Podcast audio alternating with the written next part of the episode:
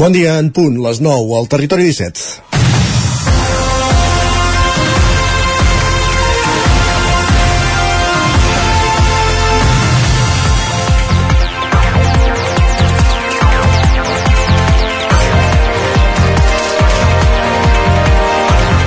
Si busques un bon restaurant, el joc de cartes de TV3 ja no és una opció. Ja fa dies que van deixar enrere l'objectiu de, de descobrir diamants en brut per convertir-se en un simple entreteniment on el de menys és la qualitat gastronòmica i de la restauració. En el cas d'ahir, que el programa visitava per segon cop la comarca després d'aquell llunyà primer capítol de la segona temporada sobre la cuina del porc i on tot el que van veure del porc va ser el nom que es van dir entre els participants, podem parlar ara, però, d'un petit oasi. No perquè ens descobríssim massa res de nou ahir, però sí perquè, si més no, en les formes, i cadascuna amb les seves particularitats, les restauradores participants van ser correctes i es van allunyar dels esperpents als quals ens té acostumat aquest programa. I també perquè van oferir propostes honestes i podem dir que Tradell va guanyar el Bisaure. L'Hostal Rosa de Tradell ostenta ara el distintiu de millor restauradora d'Osona i es van dur els 5.000 euros de premi, un distintiu però que té el valor que té, és relatiu. De restauradores i bones restauradores a la comarca ja fa anys que en tenim i totes i a tots ens en venen al cap. El que s'hauria de plantejar aquest programa és per què costa tant trobar restaurants per participar-hi. Perquè, per exemple, no se n'han sortit encara en una segona edició al Ripollès. I la resposta és senzilla. Només cal parlar amb restauradors i restauradores que tenen clar que majoritàriament sortint en aquest programa si perd més que no passi guanya. Perquè el càsting està mal fet, posant al mateix nivell propostes que no són equiparables i permetent que el primer que passa pugui opinar de cuina. Només cal recordar el músic Relacions Públiques de la setmana passada de Tarragona. Concursos de cuina sí, entreteniment també, però un cert rigor també és necessari. És dijous, 11 de gener de 2024, en el moment de començar el territori 17, a la sintonia de la veu de Sant Joan, Ona Codinenca, Ràdio Cardedeu, Ràdio Vic, el 9 FM, també ens podeu veure a través de Twitch, YouTube, Televisió de Cardedeu, el 9 TV i la xarxa més. Territori 17.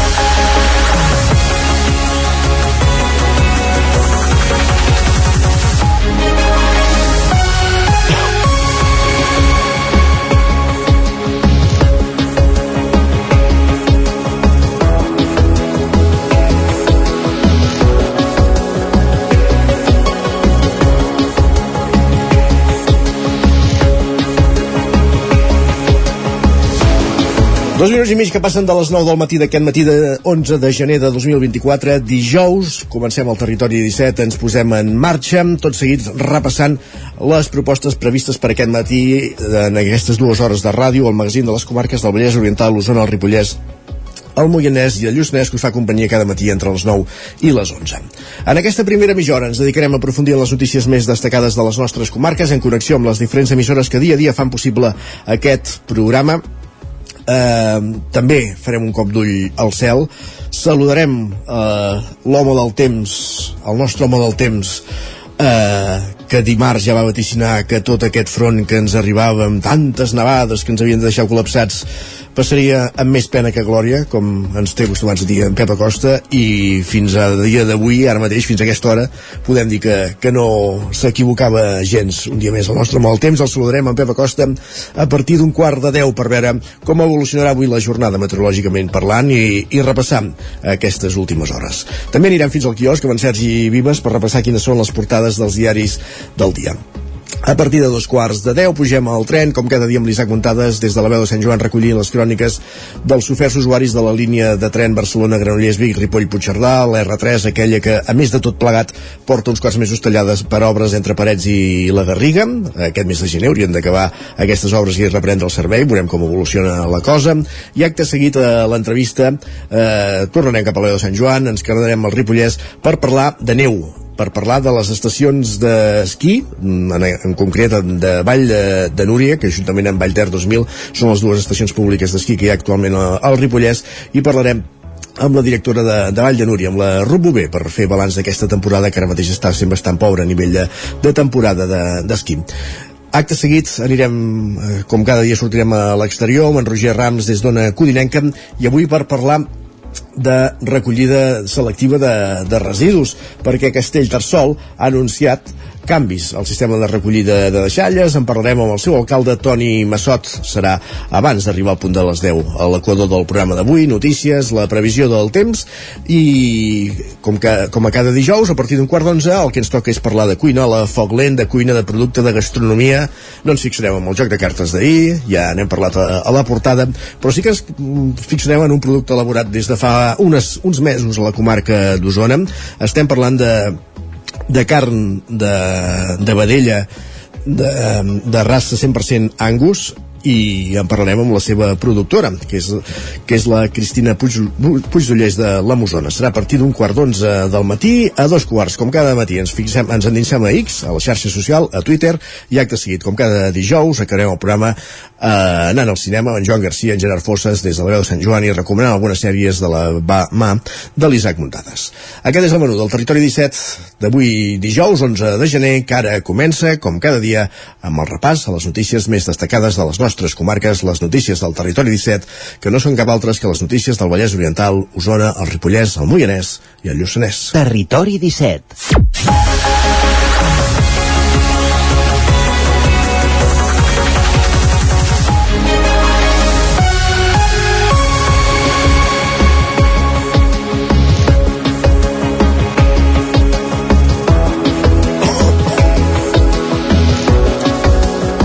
La tendència ascendent d'onada epidèmica de la grip amb un alt nivell de transmissió i l'augment d'ingressos amb la Covid-19 a hospitals des del Departament de Salut fan una crida a la vacunació. Sergi Vives, al 9FM. Insisteixen en que aquesta és la millor mesura de prevenció si no es tenen les vacunes al dia. S'ha obert la vacunació a la població general i es recomana a les persones de totes les edats, encara que insisteixen, sobretot, en les persones amb factors de risc. Manel Balcells és el conseller de Salut dos terços de les persones que ingressen a dia d'avui als centres hospitalaris són persones que no s'han vacunat i que encara hi són a temps. És a dir, la grip no ha marxat la Covid no ha marxat. Um, segurament com totes les uh, epidèmies pues fan unes onades, no? ara baixarà una mica després tornarà a pujar és a dir, cada any passa el mateix encara hi som a temps recomanem a les persones eh, que tenen factors de risc sobretot que es vacunin a totes les persones totes les edats que es vacunin que val la pena i que estalvia molts mal de caps personals i sobrecarga el sistema també eh? Es pot demanar cita per vacunar-se a través de la meva salut, de citasalut.cat o trucant als centres d'atenció primària. Més qüestions, les comarques del Vallès Oriental i del Moianès tanquen el 2023 amb un clar augment de l'atur. Roger Ram, zona codinenca. Roger. Ara sí, ara, ara sí, ara sí. Sí. Ja coneixem, com dèiem, bon dia, les primeres dades de persones aturades del 2023 que corresponen al mes de desembre, un mes tradicionalment amb moviments importants, ja que està marcat per la campanya de Nadal. Pel que fa al Vallès, segons l'abans de dades que ha presentat el Consell Comarcal del Vallès Oriental, l'atur ha pujat gairebé un 2% en tota la comarca, amb algunes excepcions. A Sant Feliu de Codinàs és un dels pocs pobles on l'atur ha baixat, en concret ho ha fet un 3,8%, el que es tradueix en 12 persones aturades menys respecte al mes de novembre.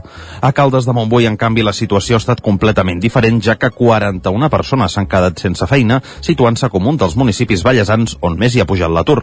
En una situació semblant es troba Vigues i Riells, on l'atur ha pujat gairebé un 11% al mes de desembre, amb 23 persones més a les llistes de l'atur. A la capital de comarca, Granollers, també s'hi ha viscut un important augment dels aturats amb 70 persones més en tan sols un mes. Fem ara un cop d'ull, com dèiem també al Moianès, on en línies generals també ha pujat l'atur en el darrer mes de desembre. Si ens fixem en els municipis més grans, a la capital, Moià, 16 persones han perdut la feina en el darrer mes. A Castellterçol n'han estat dues, les mateixes que Sant Quirze a Safaja. En global, al Moianès l'atur és ara mateix del 7,5% o el que és el mateix, 573 persones estan sense feina en aquesta comarca. Gràcies, Roger. Més qüestions. L'equip de govern de Sant Joan de les Abadesses tomba la proposta d'Esquerra per impulsar el pagament per generació en referència a la taxa d'escombraries. Isaac Montades, la veu de Sant Joan. La polèmica amb la taxa d'escombraries va centrar la darrera sessió extraordinària i urgent del ple municipal de Sant Joan de les Abadeses. El plenari havia de votar la proposta d'Esquerra Republicana referent a l'increment del 50% de la taxa d'escombraries per habitatges i comerços que havia aprovat l'equip de govern de Moviment d'Esquerres. La majoria de més, el consistori va servir per tombar la proposta. Els republicans volien activar el pagament per generació i que, per tant, se situés una taxa mitjana de 140 euros per habitatge que podia estar sotmesa a determinades bonificacions en funció de si la persona reciclava més o menys. El porteu republicà, Albric, deia que era una taxa més justa que potenciava el reciclatge i que ja s'aplicava en altres municipis on es fa el sistema de recollida porta a porta. Actualment, la taxa de Sant Joan és de 215 euros i és la més alta al Ripollès per davant de Ripoll, que supera per poc els 186 euros. També és la taxa més alta en comparació amb els municipis d'Osona que fan el porta a porta. El Bric ho atribuïa a un mal plantejament polític. L'equip de govern ha decidit que més enllà de tenir el sistema porta a porta, doncs tindrem quatre sistemes de recollida diferents, no? perquè tindrem quatre contenidors diferents, comptant els propis contenidors o cubells del porta a porta, que això són els que reparteixen en el conjunt d'àrees d'exportació, a les quals s'hi afegeix un nou contenidor més. Com que el sistema de recollida es basa en el nombre de serveis, per tant, el nombre de recollides, el nombre de viatges que fan els camions en el municipi, haver decidit que Sant Joan tindrà 11 àrees d'aportació totals, doncs això encareix enormement el sistema, perquè al final a la majoria de municipis, per exemple, que fan el sistema de recollida porta a porta, tenen una àrea o dues d'aportació que se'n diuen d'emergència, no? Aquestes àrees d'emergència serveixen per la gent que viuen disseminats o que no poden accedir als cubells en un dia determinat. El porteu republicà també creia que calia millorar les campanyes de reciclatge i reduir aquestes despeses. L'alcalde Ramon Roquer coincidia a dir que cal reduir el cost de la recollida i per aquest motiu va adreçar una carta al president del Consell Comarcal per saber quin cost tenia cadascun dels serveis per poder analitzar-los i veure com es podien retallar. Roquer assegurava que el cost total era de 550.000 euros i que era degut a l'increment de l'actualització del concurs tret pel Consell l'any passat, que es podia entendre, ja que recollia l'increment de l'IPC dels últims anys, però l'alcalde no en tenia tant el repartiment de costos. El que no es pot entendre és que la comarca hi hagi un repartiment a dia d'avui que ens perjudica ajuntaments com el nostre, que som els que fem millor la selectiva, envers altres que no fan cap esforç per fer la selectiva. Nosaltres hem reclamat al Consell Comarcal de que també facin l'exercici i, de, i de proposar un repartiment diferent a nivell comarcal, perquè és injust, això no pot ser.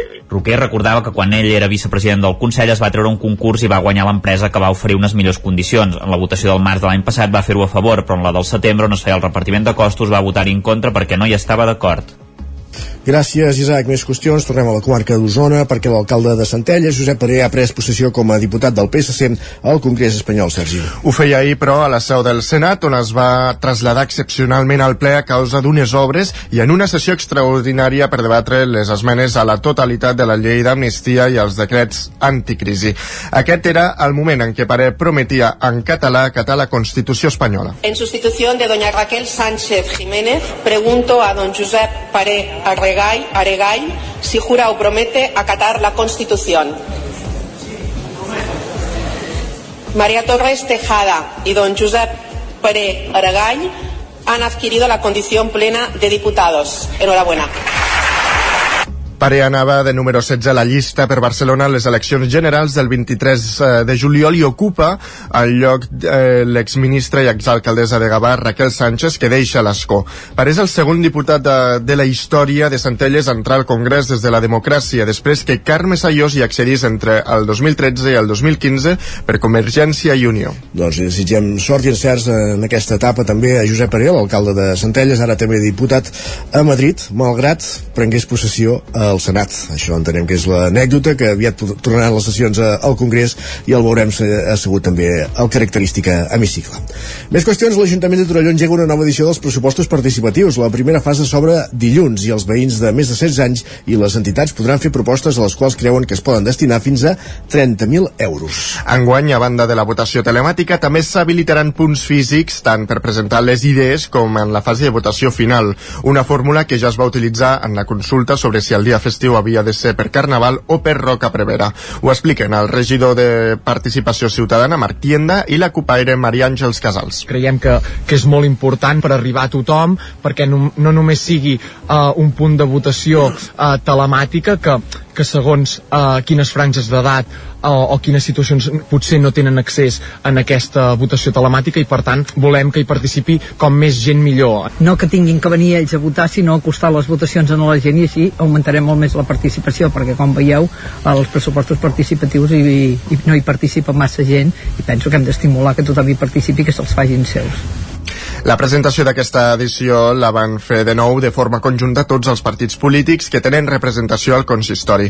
Van detallar que un cop s'hagin rebut les idees s'haurà de fer una valoració per veure si són viables tècnicament. La partida es manté respecte l'any passat i Tienda i Casals no descarten augmentar-la de cara al futur. Com més participació hi hagi, més, més impuls també podrem donar en aquesta proposta de pressupostos i per tant estem oberts no, a, de cara a, a futures edicions poder augmentar uh, la partida de pressupostos participatius. I que realment si ells hi participessin i ens portessin idees podria anar molt més bé. Jo penso que és molt important per la democràcia i perquè la gent s'acostumi a veure realment amb què es destinen els diners Torelló va fer pressupostos participatius per primer cop al 2018. L'any passat la proposta guanyadora va ser instal·lar estructures de retenció de residus sòlids als sobreeixidors de clavegram que van a parar al riu Ges, un projecte que està pendent d'executar-se.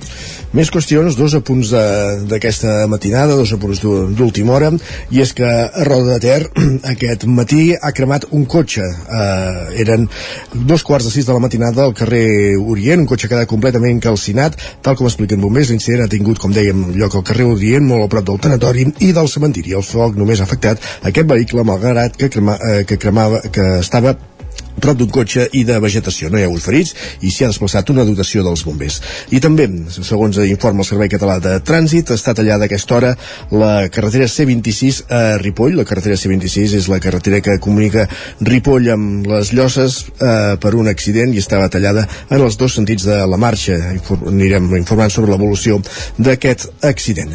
Més qüestions, anem cap al Vallès Oriental perquè s'ha constituït el Consell de Poble de la Vallòria pel mandat 2023-2027. Enric Rubio, Ràdio Televisió Cardedeu. Així és, Isaac. A finals d'any es va constituir formalment el plenari del Consell del Poble de la Batllòria pel període associat al mandat municipal 2023-2027. Aquest el constitueixen 35 persones voluntàries i els representants electes de cada grup municipal amb representació a l'Ajuntament de Sant Celoni. Amb la presidència de la regidora Anaïs Medina com a representant del grup municipal amb més vots a les eleccions del maig de 2023, es va procedir a l'elecció de la vicepresidència, que va recaure amb Marina Coberta. En el transcurs de la trobada també es van definir les tres comissions específiques a les quals es poden escriure les persones membres, que són Cultura, Esports i Festes, Educació, Comunitat i Desenvolupament i Territori, Espai Públic i Seguretat Ciutadana. La reunió es va completar amb un monogràfic sobre temes de seguretat ciutadana, precisament, la qual va comptar amb la presència del regidor referent Josep Capote, així com del nou inspector cap de la policia local, Òscar Chamorro. Gràcies, Enric. I un apunt esportiu. Gerard Ferrés es queda sense opcions al Dakar. El pilot usnenc, que fins i març era líder de la categoria T4, ahir de Bugis hi va volcar i va quedar aturat al quilòmetre 84 després de l'entrada de l'etapa entre Alayuf i Shubayat, perdó, eh? Shubayat, Shubaità on va haver d'esperar l'arribada de les assistències, Sergi. La prova va entrar en aquest cinquè dia a les grans dunes de l'anomenat Empty Quarter. L'etapa tenia 118 quilòmetres d'especial, tot i que els participants hi arribaven després d'un llarg enllaç de més de 500 quilòmetres. En la categoria de cotxes, Laia Sanz i Mauricio Gere Gerini van acabar l'etapa en la posició 40 a 11 minuts i mig del guanyador i mantenen la 17a posició a la general. Nani Roma, 50è a la jornada d'ahir, ocupa el lloc eh, 16 a la general i en categoria de buguis CCB el copilot Marc Solà i el pilot Ricardo Ramilo són 18ens després d'acabar dimecres en la 15a posició i Joan Font va ser 22è. La també usonenca i també copilot Rosa Romero al costat de Pedro Peñate mantenen la posició 22 en la categoria Challenger. Gràcies, Sergi. Acabem aquí aquest repàs informatiu que començava amb el punt de les 9 en companyia de Sergi Vives, Isaac Muntades, Roger Rams i Enric Rubio. És moment de saludar l'home dels vaticimis, l'home del temps, en Pep Acosta. I que els encerta, aquests vaticimis, eh?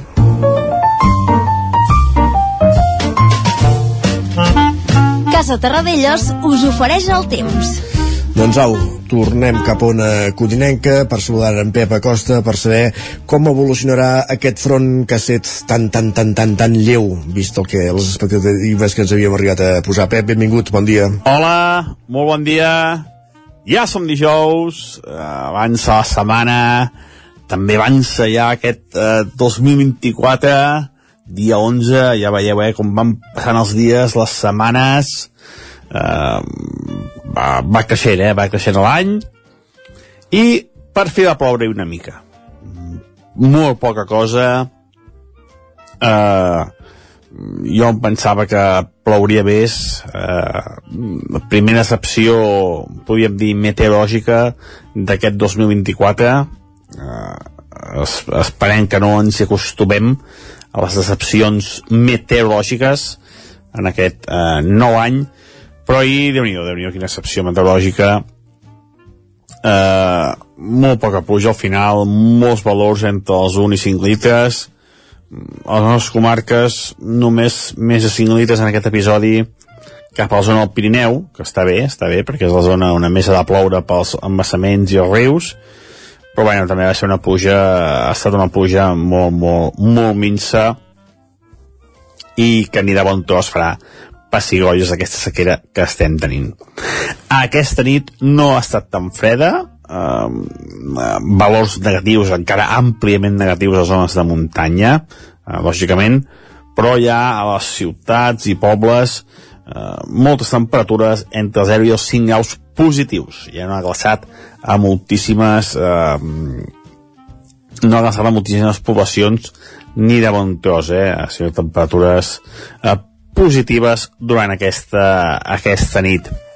I avui encara serà un dia amb una mica d'inestabilitat, eh, encara pot eh, encara pot ploure eh, sobretot de cara a, a migdia tarda es pot activar la pluja eh, cap a Ripollès, també cap a Osona unes pluges eh, que també seran bastant minces igual com ahir a la majoria de valors entre el 0 i els eh, 5 litres. Eh, per tant, eh, poca cosa, molt poca cosa el dia d'avui aquesta pluja que ens ha d'afectar.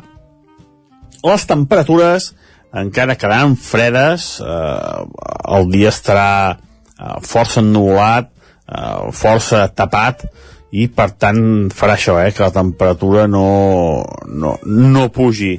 Moltes, moltes temperatures entre els 5 i els 10 graus les màximes. Eh, al peritoral superarem aquests 10 graus i a les zones de muntanya quedaran per sota d'aquests 5 graus.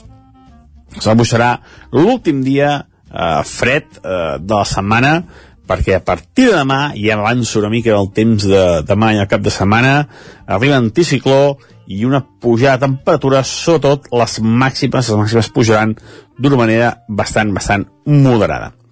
Per tant, eh, resumint, avui eh, dia fred encara, dia una mica inestable, però molt poca eh, puja. Per tant, eh, no, ma, mal, mal temps, mal temps perquè no acaba de ploure fort i aquesta perturbació ha estat una autèntica podríem dir enganyifa, una autèntica sí, una, una enganyifa perquè feia molt bona pinta i al final no ha fet la pinta que, que havia de fer. M eh, moltes gràcies, adeu. Gràcies a tu, Pep, parlem d'aquí una estoneta. De totes maneres, ja ens ho vas advertir dimarts, eh, que la cosa, anaves veient els mapes i la cosa s'anava diluint. Va, parlem d'aquí una estoneta, som-hi. Casa Tarradellas us ha ofert aquest espai.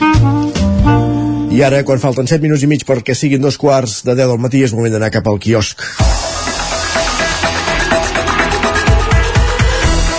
Per repassar, Sergi Vives, quines són les portades dels diaris del matí. Entenem que marcats per aquesta sessió al Congrés i no precisament per la presa de possessió d'en Josep Paré. Eh?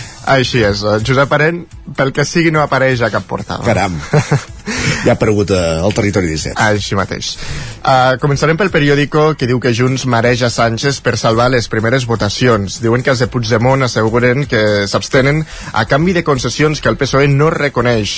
Diuen que el govern surt tocat i assumeix que haurà de canviar les normes de negociar després del pols d'ahir. Les mesures anticrisi situen l'IVA de l'oli al 0%, tot i que el subsidi de l'atur queda en l'aire. I sota el titular Pellets de Galícia a Tarragona expliquen que els microplàstics que fa temps contaminen rieres i platges comporten multes i expedients per a les empreses que els generen. La Vanguardia diu que Sánchez salva els seus decrets clau amb més concessions a Junts. Diuen que queden aprovades les mesures contra la inflació i d'altres per rebre fons europeus.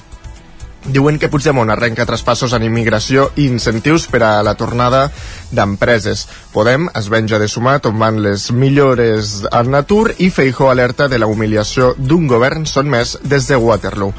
Per altra banda, diuen que Equador declara la guerra al narco arran de l'assalt a la televisió. Diuen que hi ha temor a tota Amèrica del contagi de la violència de les bandes. Lara destaca que Estat i Generalitat fixen un primer calendari per al traspàs de Rodalies i reprenen les converses pel Prat. Per altra banda, eh, diuen que Catalunya millora en segregació, però encara té 250 escoles gueto. Expliquen que la síndica de Greuges insta a lluitar contra el racisme. I per altra banda diuen que Grifols anuncia accions legals contra els fons Gotham City. Diuen que les accions de la farmacèutica recuperen un 12% a la borsa. Anem cap a Madrid? Anem cap a Madrid. Volem una altra perspectiva eh, d'aquests sí, acords de, clar. al Congrés. Ja, va, el país diu que Sánchez salva dos decrets in extremis i fracassa el de Díaz. Diu que Junts opta per no votar per evitar una derrota parlamentària de l'executiu i Podem agreuja la seva guerra amb Sumar i tomba eh, amb PP i Vox al pla de treball. L'ABC diu que Junts exprimeix a Sánchez i destaquen... Exprimeix, eh? Exprimeix, i destaquen tots els trofeus aconseguits Aviam, aviam. per Puigdemont. Els trofeus de Puigdemont, ja. Doncs suprimint l'article de la llei d'enjudiciament civil que paralitzava l'amnistia en cas que fos elevada a Europa, revertir el decret eh, per afavorir la marxa d'empreses de Catalunya, cessió total de competències d'immigració, publicació de les balances fiscals, l'Estat assumeix el cost de les bonificacions del transport públic o l'IVA del 0% a l'oli d'oliva. Per què serà que des d'aquí no ho veiem Bé, en fi, és igual. Va, més bueno, qüestions. Jo no ho trobo malament, però bueno. Exacte. uh, el Mundo diu que Puigdemont arrastra a Sánchez a un martiri de sessions uh, d'estat. Destaquen que arrenca... Martiri de sessions d'estat. Sí, Molt bé. sí, sí. Destaquen que arrenca una reforma legal per pressionar les empreses que van marxar l'1 d'octubre i la publicació immediata de les balances fiscals. I acabarem amb la Razón, que diu que Junts sotmet a Sánchez i aconsegueix importants sessions. Diuen que Podem es venja de Díaz, la debilita davant Moncloa i mostra el seu poder fent caure el seu decret estrella. Ràpidament, repassem digitals, l'edició del 99.cat d'Osona, el Ripollès i el Lluçanès. Doncs ens diuen que Gerard Ferrés volca el Dakar i es queda pràcticament sense opcions de victòria. I a l'edició del Vallès Oriental? Doncs que 14 municipis vallesans gasten més aigua al novembre, tot i la sequera persistent. Moltíssimes gràcies, Sergi. A tu. Nosaltres el que fem tot seguit és una petita pausa. De seguida pugem al tren a la trenc d'Alba amb l'Isaac Muntades a partir de dos quarts de deu. I tot seguit parlem d'esquí, d'estacions d'esquí, concretament de Vall de Núria amb la seva directora, la, la Ruth Bovent. És el menú que ens espera per immediatament després de la pausa aquí, al Territori 17. I ara, com dèiem, una petita pausa i en 3 minuts tornem amb la resta de continguts previstos per aquest matí de dijous. El nou FM, la ràdio de casa, al 92.8. Cobertes serveis funeraris. Els nostres tanatoris estan ubicats en els nuclis urbans més poblats de la comarca d'Osona per oferir un millor servei. Tanatori de Vic, Tanatori de Manlleu, Tanatori de Centelles i Tanatori de Roda de Ter. Sabem que són moments difícils i per això el nostre compromís és atendre-us en tot moment amb un tracte humà, sensible i respectuós. Cobertes serveis funeraris. Telèfon 24 hores 93 883 23 46. Ho han dit avui, al 9FM? Ai, no ho he pas sentit. Tot té solució. Recupera programes, seccions i entrevistes del 9FM al 9FM.cat. Des de ben petit tindré un somni que és obrir un restaurant. Han sortit moltíssims llibres. Et demanen dades que, per altra banda, l'administració ja hauria de tenir. I ja no com a ramadera, sinó com a ciutadans. Nosaltres intentem que tothom pugui marxar amb un croissant. I trobaràs també tots els nostres podcasts. L'infopodcast del 9-9, cada matí a partir de dos quarts de vuit. I comencem parlant d'un tema punyent. Persones que passen per moments de gran dolor, l'infopodcast del 9-9. La lupa d'Agustí Danés cada divendres. La lupa, Agustí Danés.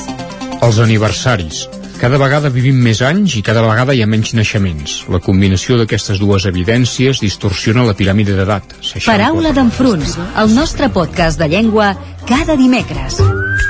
Quan escoltem ho fem voluntàriament i en canvi sentir, podem sentir moltes coses encara que nosaltres no vulguem. Bruixes del dia, el podcast de dones i bruixes de Laura Centelles i Maria Saladic. Estàs escoltant Bruixes del dia. La meva relació amb la mort és totalment diferent, perquè jo morts, diguéssim, físiques d'un cos, n'he vist crec que una a la meva vida. Feeling the 5, l'actualitat de casa nostra en anglès. Hello and welcome to Filling the Sink, a podcast from Catalan News. My name is Lucia I també tots els relats finalistes del concurs de narrativa curta del 9-9. He despertat a mig de la foscor. Tinc la boca seca i els ulls El 9fm.cat, la ràdio en línia i els podcasts del 9FM. Anuncia't al 9FM. La màquina de casa. 9 3 8 8 9 4 9 4 9. Publicitat arroba al 9FM.cat. Anuncia't al 9FM. La publicitat més eficaç. El 9 FM, el 9 FM, el 9 FM, el 9 Territori 17.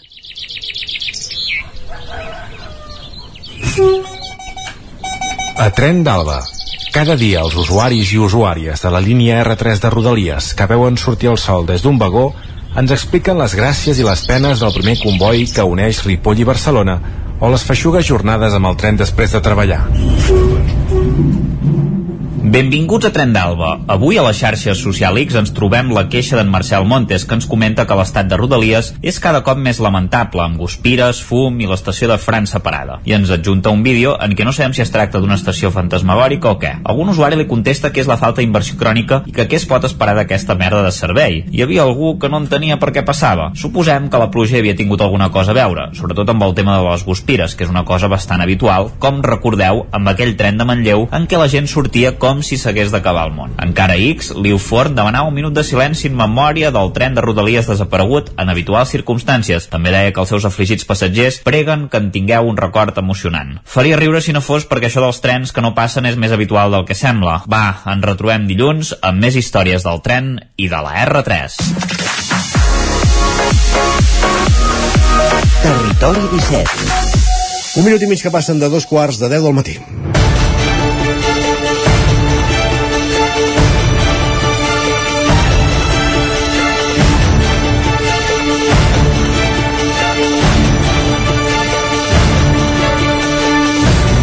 Aquest hivern, les dues estacions d'esquí del Ripollès gestionades per ferrocarrils de la Generalitat, Vallter 2000 i Vall de Núria, han tingut algunes dificultats per poder oferir tot el domini esquiable per culpa de la manca de neu, però tot i això s'han sabut reinventar. De fet, en dues estacions ja fa anys que aposten per una desestacionalització de les activitats i per la sostenibilitat. Sobretot, amb això n'és pionera la Vall de Núria, Isaac Muntades, la veu de Sant Joan. Bon dia, Isaac. Sí, efectivament, i avui parlarem de com està anant la temporada d'esquí aquí a la Vall de Núria, amb les relacions públiques de, de l'estació, la Ruth Bové, que ens explicarà com ha anat doncs, aquesta temporada de, de Nadal i què preveuen que passarà en, en els pròxims mesos. Bon dia, Ruth, i moltes gràcies per ser al Territori 17 amb nosaltres. Uh, Ruth, hauries de... Ara, perfecte. Ah, perdoneu-me, pensava que ja el tenia activat. Molt bon dia i gràcies per bon estar dia. aquí amb vosaltres aquest matí.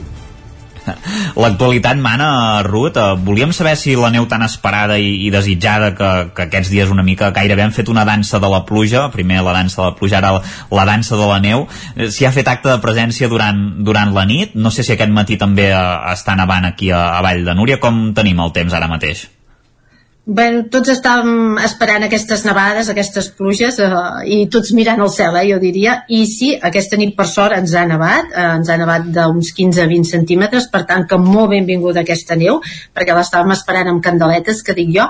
El, a Núria eh, encara està ennuvolat, per tant que encara a veure si aquest matí tenim sort i encara ens cau alguns centímetres més i això sobretot doncs que a veure si fa fred i podem continuar produint neu i anar obrint pistes progressivament eh, aquesta setmana ha nevat, també va nevar divendres, per tant no sé si el cap, el cap de setmana eh, hi havia la neu esperable, el, el cap de setmana va haver el contratemps del vent de, de diumenge que va obligat a, a tancar les instal·lacions, però el dissabte com, com estava la situació? La pluja, de, la, pluja, la neu de, de divendres va, va anar bé també, entenem. Sí, ens va nevar, però com molt ben bé dius, de vegades ens fa la guitza al vent. Ens neva i ens fa vent. Per tant, això ens va enfadar molt, eh, també, però bueno.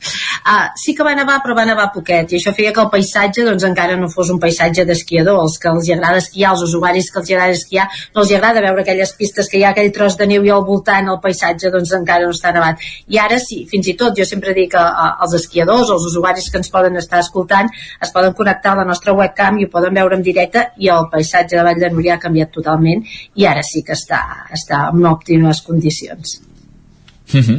uh, després parlarem de, de més activitat, Ruth, que, que heu anat duent a terme aquests dies, però com està anant la temporada nadalenca? La veu iniciar uh, el pont de la Puríssima, com ha anat fins ara? No sé si en, en l'àmbit de la neu i, i pistes obertes, uh, em sembla que fins ara hi havia uh, quatre pistes obertes, no sé com ha anat pel que fa, pel que fa a xifres, si són similars a, a l'any passat de, de visitants que han vingut fins aquí a la Vall de Núria has dit una temporada atípica, jo diria, no? Perquè, és clar, nosaltres sempre el factor neu és important, malgrat que Vall de Núria sempre dic que nosaltres ens posicionem com a estació de muntanya, no com a estació d'esquí. Si parlem d'usuaris d'esquí, eh, doncs n'hem tingut menys, per, per això que us comentava, no? Perquè la gent doncs, vol, vol les pistes totes nevades, vol tenir un domini esquiable ampli, però sí que a Vall de Núria també tenim un client molt fidel, no? Que li agrada passar les, les vacances de, de Nadal amb nosaltres, perquè fem aquest munt d'activitats, no? És un, una estació doncs, que, que planteja moltes activitats alternatives que no depenguem ben bé del factor neu.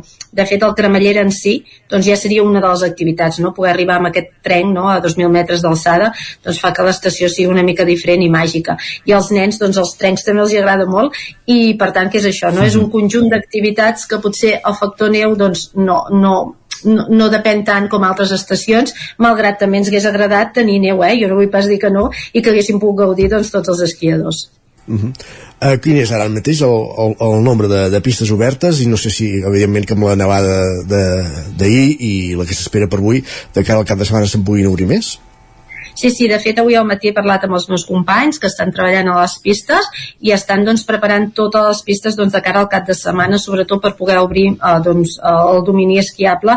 Pràcticament la zona alta doncs, estarà quasi bé tot oberta, per tant que ja podrem això, no? Eh, anar obrint progressivament perquè penseu que quan acaba de nevar aquesta neu doncs, s'ha doncs, de sentar, s'ha de treballar doncs, perquè ens, ens duri doncs, el reste de la temporada, no? perquè com que sempre estem pendent d'aquestes nevades, doncs ara treballant moltíssim per poder-la deixar a punt, sobretot per, de cara al cap de setmana. Sí que avui doncs, ja hem obert també el que és el telecadira de la Pala, que era l'últim remuntador que ens quedava per mhm. obrir, per tant, a nivell de remuntadors ja ho tenim tot obert. La pista de les Creus doncs, ja es pot fer tota sencera, i això, com us deia, treballant doncs, per posar-ho la posta a punt, no?, que sempre diem aquesta de, de cara al cap de setmana.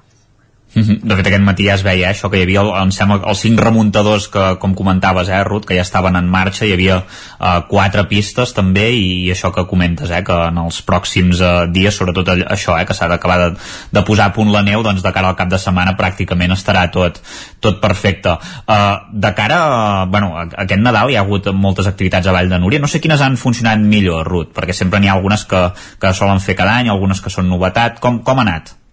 Sí, les que ens funcionen millor a nosaltres és el que us deia, no? Nosaltres tenim un públic molt familiar i després el que intentem preparar sobretot és que al matí puguin gaudir una mica de l'esquí perquè hi ha tota la zona de debutants que estava oberta i a la tarda hem preparat molts tallers sobretot nadalencs, no? Relacionats a, a, en l'època nadalenca, no? Taller de fanalets, taller de, bueno, dels tions, no? Perquè Vall de Núria estava decorat tot amb tions. Per tant que això, no? Totes aquestes activitats i després també en tenim unes que és a la cabana dels pastors que allà aprofitem de 5 a 7 de la tarda per la gent allotjada o gent que vulgui pujar perquè tenim un tren especial a les 7 ara que dic això, sempre mireu a la web el cercador d'horaris perquè no es pensin que cada dia tenim un tren a les 7 de la tarda, eh? que després es quedaran a Vall de Núria a dormir. I, i després això, no? fem una mica de gastronomia a lo que és a la cabana dels pastors, uh, fem aquests tallers a dintre de la cabana dels pastors i això també ha tingut molt d'èxit, doncs, sobretot per la gent allotjada o gent que ha decidit doncs, allargar una mica més la, la seva estada a lo que era Vall de Núria. Com ja hem comentat abans, eh, fa anys que Vall de Núria aposta pel turisme tot l'any, té diversos atractius, el mateix Cremallera, com, com bé comentaves. Parlem, posem-hi dades per això, posem-hi xifres. Eh, quin, quin volum de visitants ha rebut Vall de Núria al llarg del 2023? Ha crescut els visitants? El Cremallera també, quin, quin, quin número d'aquests visitants ha absorbit? Quines dades tenim? Doncs aquesta seria una dada una mica positiva. Quan parlàvem que, que, que no hi ha hagut neu a l'inici de temporada, sí que estem contents en aquest cas perquè ha crescut un 11% a, a, a nivell de cremallera aquest any, el 2023. Eh? Ens han pujat 235.000 persones, per tant que és una dada per nosaltres important i això, no? això marca el fet aquest, no? que Núria no és només uh, una estació d'hivern, sinó que treballem aquests 365 dies l'any i això fa que doncs, a nivell d'usuaris de, de cremallera doncs, hagi augmentat. Per tant, que satisfets i contents i continuar treballant doncs, perquè ens vinguin a, a veure molta més altra, altra gent. Mm -hmm. Perquè no sé si la tens aquesta xifra, Ruth, però hi ha més visitants ara a l'estiu que a l'hivern o encara a l'hivern n'hi ha, ha més? Com, com està la balança? Mm. Més o menys, eh? Mira, jo la balança diria que pràcticament nosaltres en època primavera-estiu treballem moltíssim, diguéssim, la gent cada cop doncs, més a la natura, s'acosta més a, a la muntanya i això fa que, sobretot en època estiuenca, doncs també tinguem molts visitants. I també per nosaltres sempre dic que és molt bona la tardor, és a dir, per què la tardor, no? Uh, a l'estiu molta gent vol anar a la platja, a l'hivern doncs esquiem, però la tardor és aquest impàs, no? que, que potser d'activitat doncs la gent no sap molt bé què fer, no? I, i les tardons, si fa bo, com aquest any, que ha estat bueno, massa bo i tot, podríem dir que ha fet massa... Els bolets no gaire, eh? com deies l'altre dia. Els bolets, exacte, els bolets no és gaire bo, però vull dir que a nivell de temperatura doncs ha estat una temperatura doncs, més alta de l'habitual i això fa doncs, que la gent aprofitin setembre, octubre i fins i tot novembre, que era un mes una mica mm, mort, per dir-ho d'una manera, doncs que caps de setmana de novembre encara hem tingut molts usuaris per això, perquè encara hem vingut a gaudir de, de la natura. Per tant que la tardor per nosaltres també és molt bona.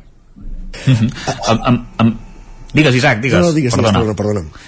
No, dic en principi la temporada Ruth s'ha d'allargar fins, a, fins a finals de març o, o mitjans d'abril, si, va, si va tot molt bé. Esperem que aquestes nevades d'aquests dies uh, us puguin aguantar durant molt de temps i que n'hi hagi alguna més. No sé quines activitats ens destacaries de cara als pròxims uh, mesos, les que trobis més, més rellevants? Sí, de fet nosaltres a, eh, a nivell de, de pistes d'esquí sí que comentaus que ja des de principi de temporada el calendari d'esquí es tanca el 31 de març, per tant que aquesta temporada d'esquí era mm -hmm. curta, perquè nosaltres ens anem en funció de Setmana Santa. Després les, com a estació d'esquí pròpiament per esquiar fins a 31 de març.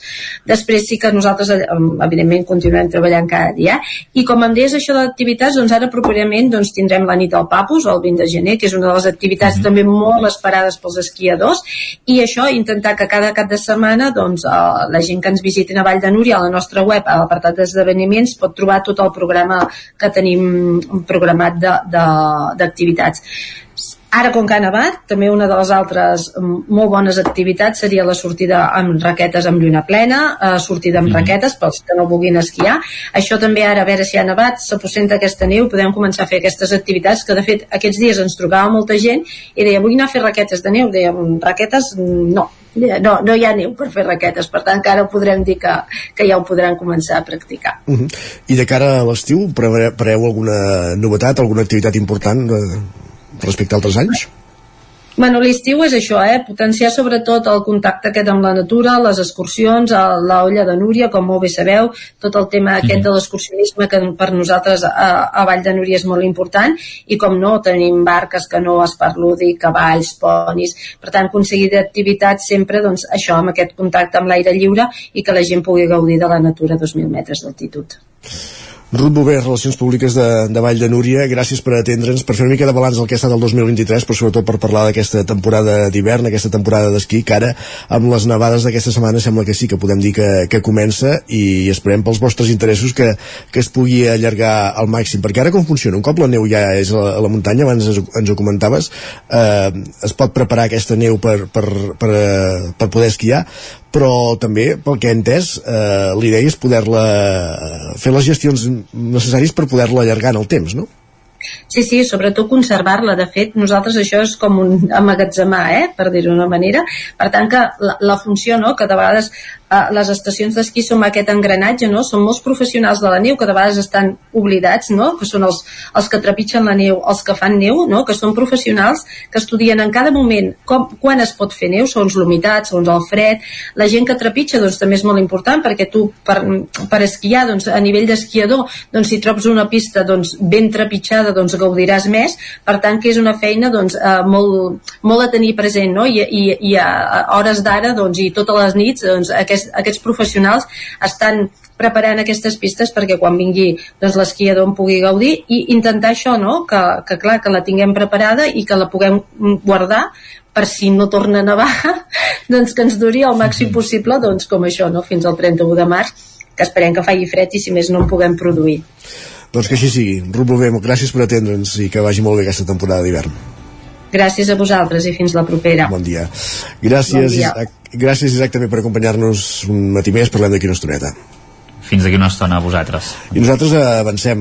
Eh, hem parlat de, de pistes d'esquí, hem parlat de, de neu, amb Vall de Núria, amb la Ruth Bové, amb les seves relacions públiques, i ara el que fem és parlar de, de sistemes de recollida de, de xalles, perquè a Castellterçol hi estan implementant canvis.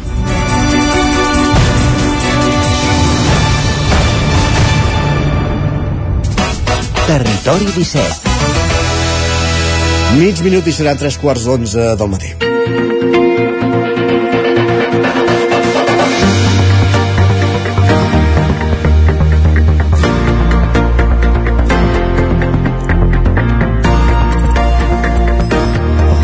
Avui volem parlar dels canvis de la recollida de deixalles que s'han anunciat aquests dies a Castellterçol, al Moianès, i que entren en vigor aquest proper dilluns 14 de gener.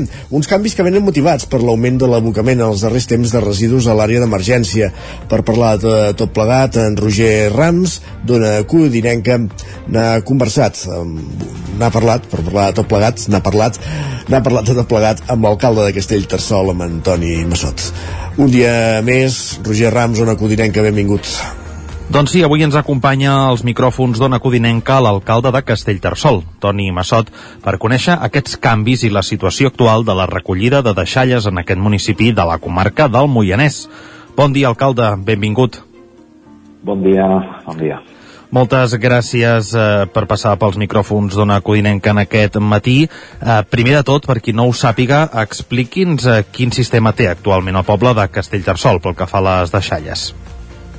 No, Castellterçol realment mm, ja fa molts anys que treballem a porta a porta, eh, si no vaig errat des del 2008, per tant doncs tenim porta a porta molt consolidat, molt eficient, i després el que també tenim és una àrea de- una àrea d'emergència que, que el problema que tenim és de que els, fins ara al ser oberta doncs s'ha convertit en un petit abocador de, de deixalles eh, descontrolades.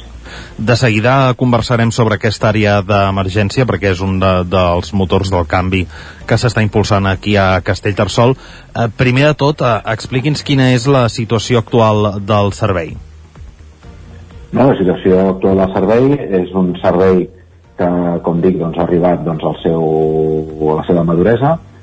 El, el que passa és que tenim dos problemes. Per un costat, eh, arribar a la sostenibilitat econòmica del servei, perquè recordeu que hi ha una normativa que ens obliga a que el servei sigui econòmicament sostenible amb les taxes que paga el ciutadà, i per un altre costat eh, tenim l'àrea d'emergència on, mm, com comentava abans, doncs, tenim tota una sèrie d'abocaments incontrolats que fa doncs, que generi un volum de residus tirat per terra, eh, bueno, en definitiva, doncs, una zona descontrolada que, que cal posar-hi cal posar mà. És per aquest motiu doncs, que, que iniciem aquests canvis. Per què creu que ha derivat eh, cap aquí aquesta àrea d'emergència? Bé, jo crec que, que això ha derivat per aquí perquè és, una, perquè és molt fàcil. Eh, en definitiva, arribes amb el cotxe, ho tires per terra i, i, i ja està. I també és veritat de que, de que l'àrea d'emergència està dimensionada per, en teoria pels habitants de Castellterçol i que, i que també doncs, n'hi ha d'altres que s'aprofiten d'aquesta àrea de- d'emergència. S'ha reunit amb els altres municipis per abordar aquesta situació?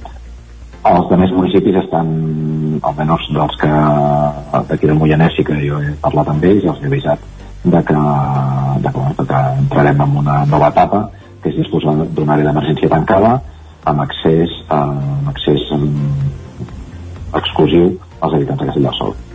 Mm. Anem a abordar aquesta nova àrea d'emergència que ara ens explicava. Uh, serà exclusiva dels habitants de Castellterçol, però quin sistema es farà, es farà servir? Aviam, el, el que s'ha construït és una àrea tancada amb accés identificatiu a través del telèfon mòbil o a través d'una targeta intel·ligent si no es disposa de, de, de, telèfon, de telèfon mòbil.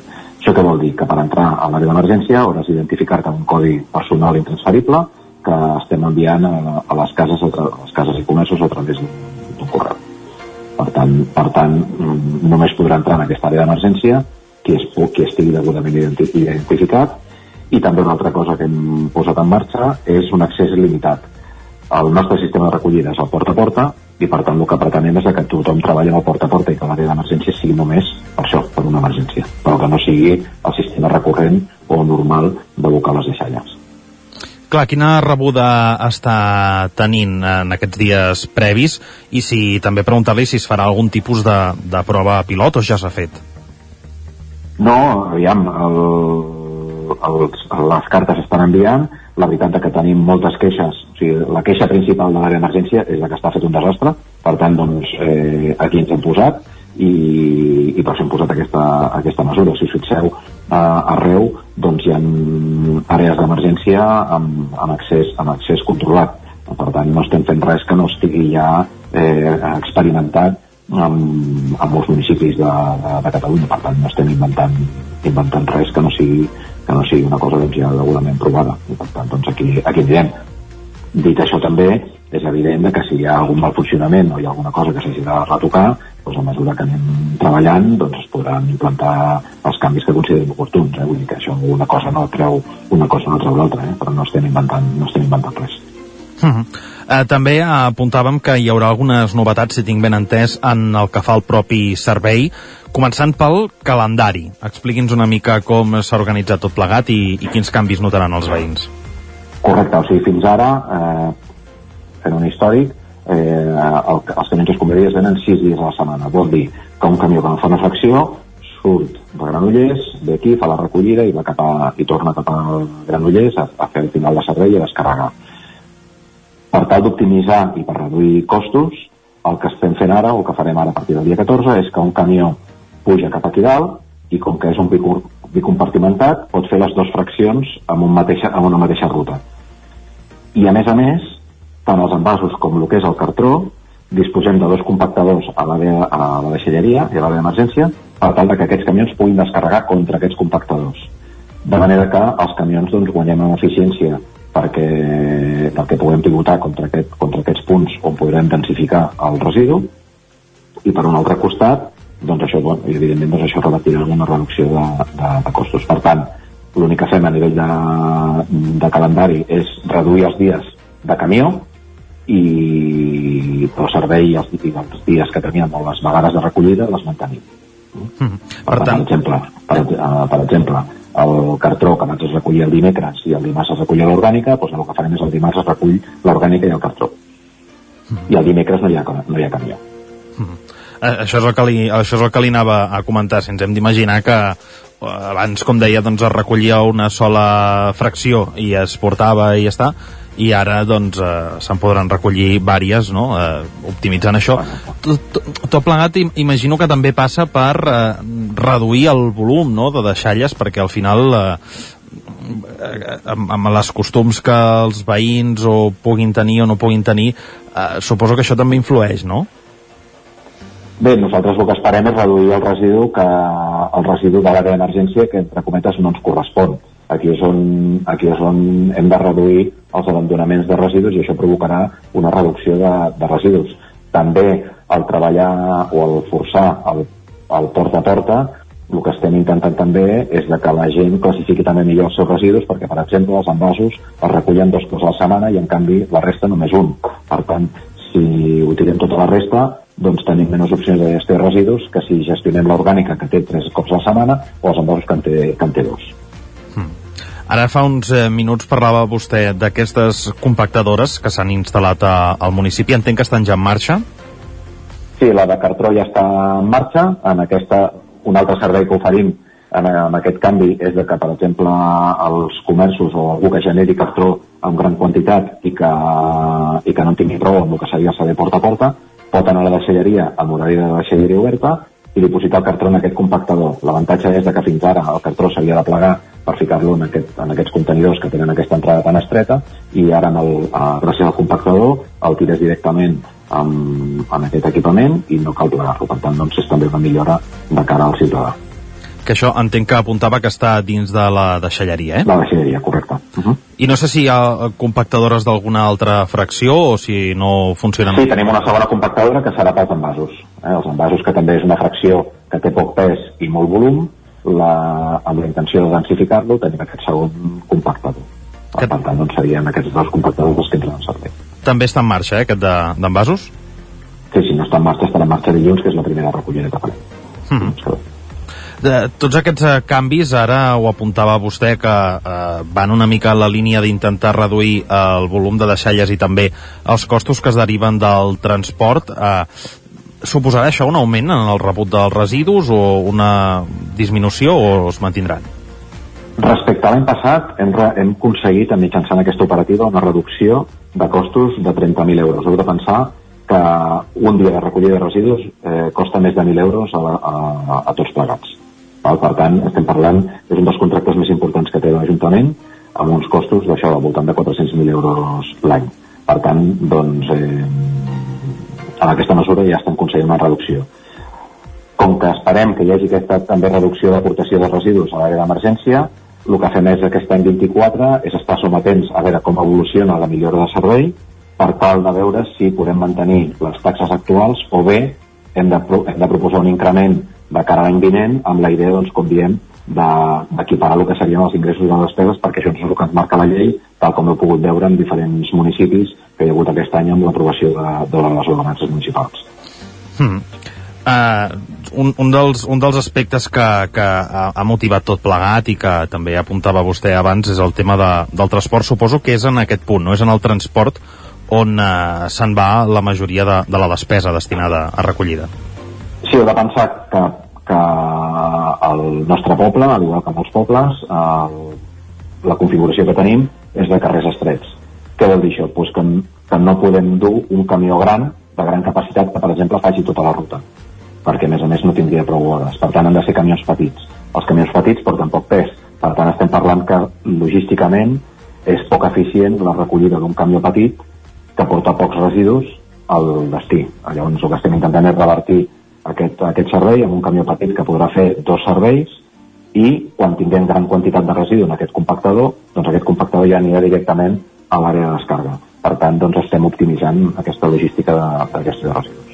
Ja, ja per acabar, un dubte que, que m'ha quedat és si aquestes compactadores que se situen, com deia, a la, a la deixalleria municipal, eh, també tenen algun tipus de, de codi o de restricció exclusivament pels veïns de Castellterçol, perquè entenc que aquesta eina eh, doncs pot ser també cridanera no?, per tota aquella gent que venia a, a, a dipositar-vos residus a l'àrea d'emergència, doncs que ara vinguin a utilitzar aquestes compactadores. No, no, l'accés és dintre de la deixalleria, o sigui, no, no, estan de, no són d'accés lliure, per tant, si no, si no vas a una deixalleria no es pot fer servir i està limitada per, per l'operari que et dona accés o no a la, a la descarga. Per tant, no, no quedaran en obert perquè tothom en pugui fer un ús indiscriminat. Només indicar que a nivell de, per exemple, costos, que és molt important classificar els residus i fer una bona segregació dels residus, perquè això també costa diners, o sigui, no és, no és el mateix que tot sigui resta a que classifiquem els envasos o que gestionem el paper o que llancem el, el vidre tot això és no només una menys despesa, sinó que, sigui, fer-ho bé és una menys despesa, però és que, a més a més, això reverteix en uns ingressos addicionals que té l'Ajuntament a final d'any eh, com a compensació per fer bé la gestió. És a dir, Ecoembes ens abona per la gestió d'envasos, ens abona per la gestió de cartró, clar, si això està segregat com a tal, si va dintre de la resta no cobrem, no cobrem res. I també sapigueu que de la fracció orgànica, també en funció de la qualitat, en funció de la qualitat de la matèria orgànica, en funció de la quantitat d'impropis que pugui tenir la fracció orgànica, també rebem uns ingressos que són prou importants a l'hora de, a l'hora d'apuntar la despesa final i els ingressos que tindrem de la gestió de, de la gestió de residus. Per tant, doncs aquí també faig una, repito, una oportunitat per fer una crida de que reciclar és important i fer-ho bé és important no només pel medi ambient, sinó també per la butxaca.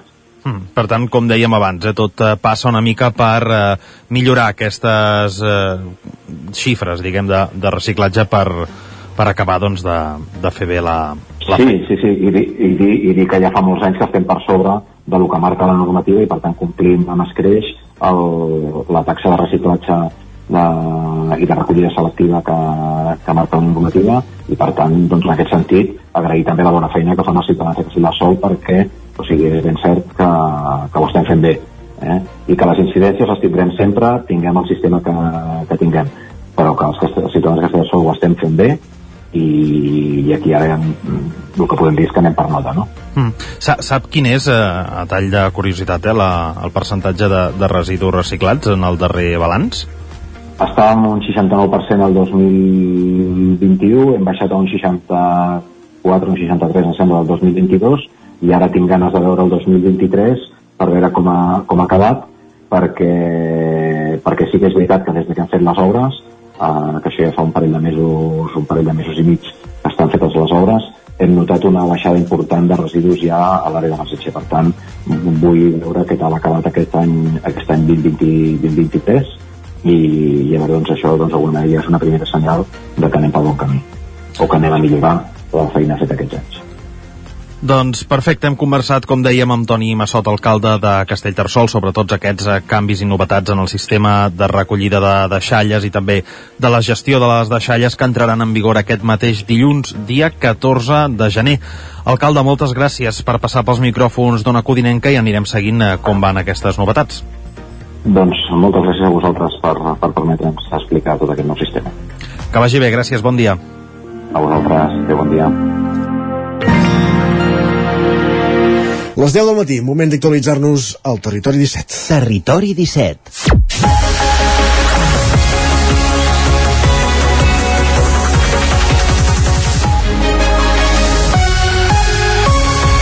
Moment per les notícies, moment per l'actualitat amb les notícies més destacades del territori 17, que són les notícies de les nostres comarques, el Vallès Oriental, l'Osona, el Ripollès, el Moianès i el Lluçanès. Anem cap a, precisament cap a Ona Codinenca, cap al Vallès Oriental perquè un menor desaparegut aquest dimecres a Caldes de Montbui ha activat un dispositiu d'emergència al poble. Finalment aquesta nit se l'ha pogut localitzar sa i estalvi. Roger Ram, zona Codinenca. Sí, exacte. Bon dia. Aquest dimecres, Caldes de Montbui ha viscut una jornada de molta angoixa. I és que al punt del migdia una dona va acudir a la comissaria dels Mossos d'Esquadra per advertir que havia perdut la pista del seu fill menor d'edat que havia marxat de cop de casa. Aquest avís va fer activar tot un dispositiu per trobar-lo que va implicar fins a set dotacions dels bombers de la Generalitat, diverses unitats dels Mossos d'Esquadra i també de la policia local. Les males condicions meteorològiques d'aquest dimecres amb pluja, estones intensa i una boira molt densa van complicar la tasca dels cossos d'emergència. La baixa temperatura també posava en risc l'estat de salut del menor.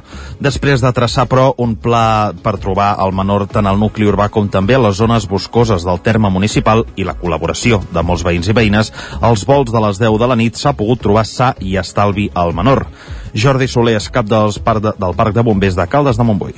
A la tarda ens, ja ens comencen a avisar que segurament doncs s'activarà una recerca. Nosaltres ja preventivament enviem un vehicle a donar voltes per Caldes, juntament amb policia local i Mossos, i cap a les quarts de nou del vespre doncs ja es comença a, a, a decidir, eh, arran de la denúncia dels pares, de la, de, de la mare, eh, de la desaparició, llavors eh, muntem el, el dispositiu on agafa doncs, el comandament l'agafa un bombers i eh, on establim doncs, ja les zones de recerca, recerca intensiva, era un dia complicat, un dia que ja era fosc, amb molta boira densa, amb fred, i llavors eh, just quan iniciem la recerca ja teníem tot ja distribuït i els equips i els grups i les zones de treball, llavors doncs va, va aparèixer el, el menor.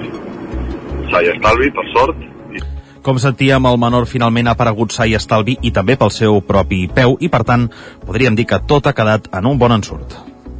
Gràcies, Roger. Final feliç en aquest sentit. Uh, més qüestions, anem cap al Ripollès. Primer de tot, un apunt d'actualitat. Abans informàvem d'un accident que tallava la C26, la carretera de Ripoll a les Lloses. La carretera ja, uh, el trànsit ja s'ha restablert amb normalitat al cap d'uns minuts, per tant, trànsit restablert a la C26 a Ripoll, a la carretera de, de Ripoll a les Lloses. I encara a Ripoll, l'Ajuntament assumeix la direcció de l'obra del pont de Calatrava per acabar-lo abans del termini establert. Isaac Muntades, la veu de Sant Joan les obres per fer accessible el pont de Calatrava s'estan complicant després que la direcció d'obra del projecte l'hagin assumit dos tècnics municipals. L'adjudicació de l'obra, que es va fer el 20 de març de l'any passat, va tenir un cost de 180.000 euros i havia de servir per eliminar les barreres arquitectòniques en aquest pont, que connecta el barri de la carretera de Barcelona amb el de l'estació. El porteu del PSC, Enric Pérez, va demanar a l'equip de govern d'Aliança Catalana quin projecte s'estava executant. Entenc que el projecte que s'ha acabat executant no és el mateix que vam licitar i adjudicar. I en aquest cas semblava que, més, més enllà que no entenem massa el procediment que s'ha fet per dir, si vam adjudicar un projecte, en tot cas, si finalment la direcció d'obra decideix no continuar perquè es farà un altre projecte, entenc que potser si és necessari, i desconec, eh, potser s'ha fet una aprovació d'un reforç o d'un nou projecte, perquè si no encara estem referenciats a un projecte que no s'ha executat. L'alcaldessa Sílvia Oriols va recordar que va haver-hi una disputa entre la constructora i la direcció d'obres, un fet que va paralitzar els treballs durant uns mesos abans d'arribar a una solució. Per poder arribar a una solució es van demanar informes tècnics sobre els pilotatges que realment no coincidien amb els del projecte, però doncs, diversos tècnics van avalar que realment aquells pilotatges eren suficients i servien per encarar el, el, el projecte, no? per tant eren vàlids. La direcció de l'obra va decidir retirar-se i va ser l'Ajuntament qui eh, va prendre doncs, la direcció de l'obra amb el convenciment sempre doncs, de, que, de que el projecte serveix i que està ben fet i per poder complir aquests terminis per no perdre la subvenció. En principi aquesta actuació es finança amb una subvenció de la Diputació de Girona de 70.000 euros per la supressió de barreres arquitectòniques, 45.000 euros provinents dels pressupostos participatius, ja que va ser la tercera proposta més votada de l'any 2021, i de fons propis del pressupost municipal. L'alternativa per Ripoll Cup va preguntar per què s'havia signat la certificació de l'obra el 22 de novembre si encara no estava executada. L'equip de govern va dir que li contestarien per escrit. Més qüestions, encara més obres, ara a la comarca d'Osona, després dels treballs previs fets abans de les vacances de Nadal, aquesta setmana ha arrencat les obres de reordenació de l'entrada de Sant Pere de Torelló, Sergi. Sí, són a la Cruïlla, entre la BB 5224, la carretera que porta fins al poble, amb l'entrada a la zona industrial, la bàscula pública, la gasolinera i també amb el vial que permet accedir a diversos habitatges. S'hi construirà una rotonda eh, i l'obra també permetrà donar continuïtat a l'itinerari de vianants entre Sant Pere i Torelló, que queda tallat en aquest punt. Sentim l'alcalde de Sant Pere, Jordi Fàbrega. L'itinerari de vianants queda tallat per tot aquest sector del restaurant i la gasolinera per altre cantó també tenim un problema amb totes les cases que hi ha a l'altre cantó no?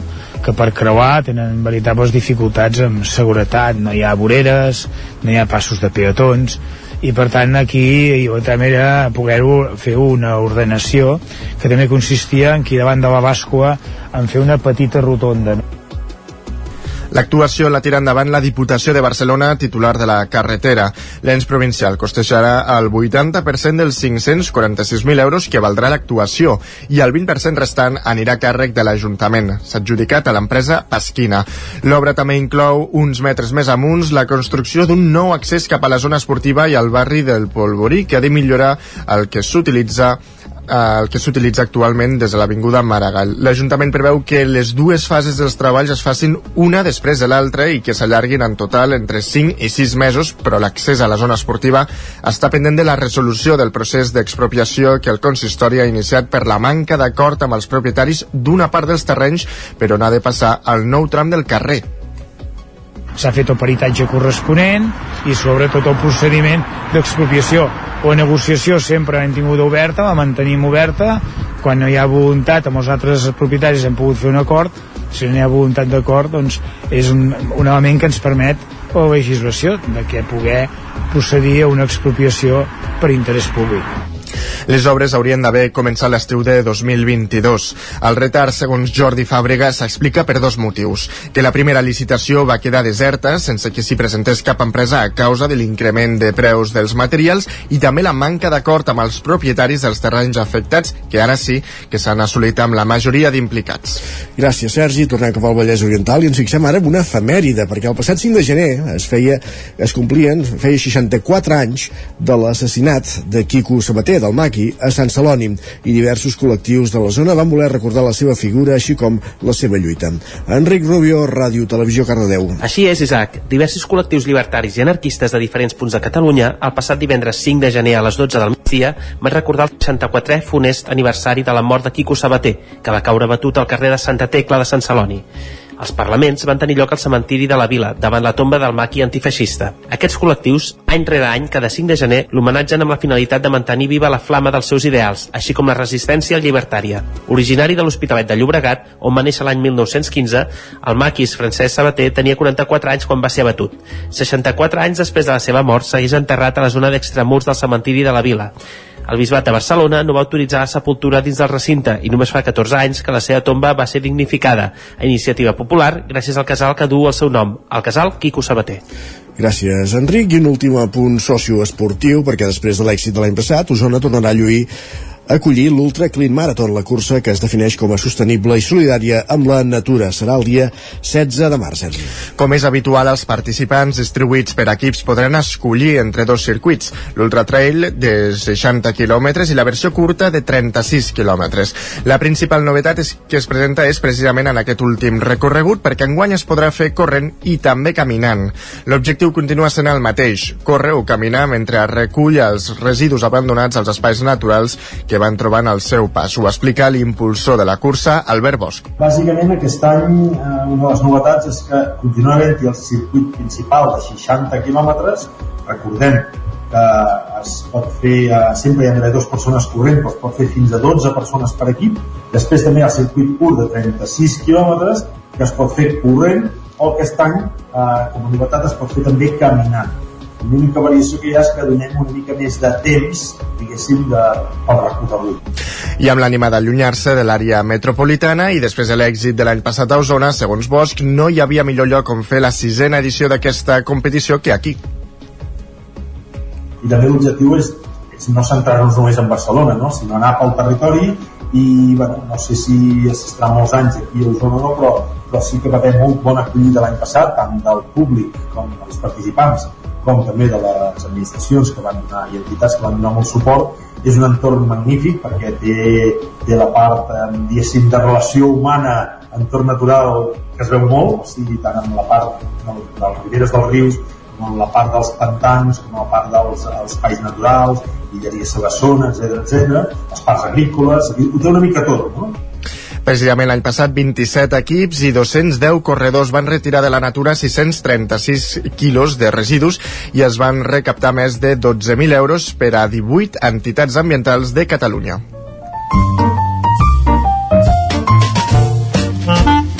Casa Terradellos us ofereix el temps. Doncs hem acabat aquí aquest repàs informatiu que començàvem amb el punt de les 10 en companyia de Sergi Vives, Isaac Montades, Roger Rams i Enric Rubio. Moment de donar pas de saludar de nou el nostre home del temps, en Pep Acosta. Per tant, tornem a una codinenca. Pep, benvingut de nou, bon dia. Hola, molt bon dia. I avui en casa un dia amb una mica d'inestabilitat. Uh, encara pot uh, encara pot ploure uh, sobretot de cara a, al migdia tarda es pot activar la pluja eh, cap a Ripollès, també cap a Osona, unes pluges eh, que també seran bastant minces, igual com ahir, a la majoria de valors, entre el 0 i els eh, 5 litres. Eh, per tant, eh, poca cosa, molt poca cosa, el dia d'avui, aquesta pluja que ens ha d'afectar. Les temperatures encara quedaran fredes, eh, el dia estarà eh, força ennubulat, eh, força tapat, i per tant farà això, eh, que la temperatura no, no, no pugi. Moltes, moltes temperatures entre els 5 i els 10 graus les màximes, eh, al peritoral superarem aquests 10 graus i a les zones de muntanya quedaran per sota d'aquests 5 graus. s'abuixarà l'últim dia eh, fred eh, de la setmana perquè a partir de demà, ja avanço una mica el temps de demà i el cap de setmana, arriba anticicló i una pujada de temperatura, sobretot les màximes, les màximes pujaran d'una manera bastant, bastant moderada. Per tant, eh, resumint, avui eh, dia fred encara, dia una mica inestable, però molt poca eh, puja per tant, eh, no, mal, mal, mal temps, mal temps perquè no acaba de ploure fort i aquesta perturbació ha estat una autèntica podríem dir enganyifa, una autèntica sí, una, una enganyifa perquè feia molt bona pinta i al final no ha fet la pinta que, que havia de fer. M eh, moltes gràcies i ens escoltem demà que ja tenim el temps del cap de setmana. Adéu. Doncs va, ja si el cap de setmana la cosa millora, que de fet eh, millora però per malament, bàsicament, perquè apunten que pujaran les temperatures i poca precipitació hi haurà. Va, parlem demà, Pep, gràcies. Casa Tarradellas us ha ofert aquest espai. Territori 17. Envia'ns les teves notes de veu per WhatsApp al 646 079 023. 646 079 023. WhatsApp Territori 17.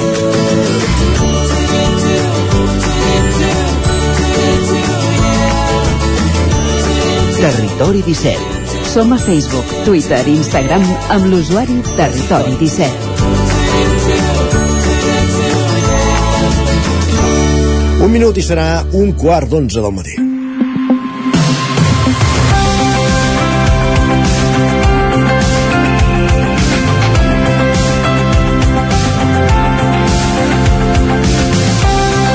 Moment per la cuina al territori 17. Ja sabeu que els dijous a aquesta hora el dediquem a la Foc Lent, la secció de cuina, de gastronomia, de producte que fem setmanalment aquí al territori 17. I avui ens volem fixar en un producte, un producte que s'elabora a la comarca d'Osona a partir de, de la cria de, de vedells, de vaques, de la raça Angus, que és el projecte de la Mosona. Uh, ens acompanya la seva responsable, que és la Cristina Puigdollers. Benvinguda, Cristina. Bon dia. Hola, bon dia. Bon dia a tothom. Bon dia. Uh, avui, com dèiem, ens volem fixar en un producte que s'elabora aquí a la comarca d'Osona. Ja fa algun, un any, si no un any i escaig, que, que treballeu amb aquest projecte, si més no que, que està funcionant, que esteu uh, distribuint aquesta carn de vedella a partir del propi ramat de, de, de la raça Angus, 100% pura, aquesta raça d'origen escocès, i amb vaques que podem veure aquí a la, a la plana de Vic i a, i a Lluçanès. Explica'ns una mica d'on surt aquesta iniciativa, aquest projecte de la Mosona. Mira, aquest projecte va començar ja fa 10 anys. Uh, nosaltres, jo vaig a la mà del grup Japort, on som especialistes en genètica, i això ho va començar el meu pare, bàsicament com a hobby, perquè ell és una persona que li agrada molt menjar bé i busca sempre el producte de qualitat nosaltres teníem espais, hectàrees de terreny on, on necessitàvem que pasturessin diferents animals i vam decidir que, que poguessin tenir un ramat de vaques per, per promoure el tema de la terra. I ell quan va decidir quina raça era la millor per posar en aquell espai doncs li van dir digue'm la millor raça qualitat de carn per alimentar-nos que jo pugui tenir doncs, vaques a casa meva per, per poder tenir la, la millor carn i així va sortir tot Fa 10 anys vam anar a Escòcia a comprar un ramat, el vam portar cap aquí i, i a partir d'aquí va anar creixent. Tot era per uh, consum propi en aquell moment i tot comença a, a la pandèmia, quan vam començar a veure que la gent buscava producte de qualitat per fer barbacoa a casa seva i nosaltres, com que ho teníem per consum propi i diferents amics, uh, vam començar a dir, ah, doncs mira, nosaltres també en tenim i aquí és on vam llançar la nostra marca. Mhm. La, la, la marca de la Mosona, que inicialment eh, el que feu és distribuir aquesta carn de, de vedella a través de WhatsApp, per, per internet, diguéssim. Eh, sí, Aquí, uh... Això és com comença a funcionar, eh, si més no? Exacte, vam començar a funcionar exactament per WhatsApp, d'aquesta manera. Nosaltres eh, ho fèiem pels amics i sobretot per a tot l'equip que tenim treballant en el grup de l'empresa i a partir d'aquí doncs, eh, sobretot el boca orella, orella ens ha anat ajudant molt a, anar creixent. Ara ja tenim una pàgina web. Nosaltres continuem venent un cop al mes. Ara estem escurçant cada 15 dies ja eh, i ho fem a través d'un formulari on tu et pots registrar i apuntar la teva comanda en aquest formulari i quan nosaltres tenim el producte te'l servim. Uh -huh.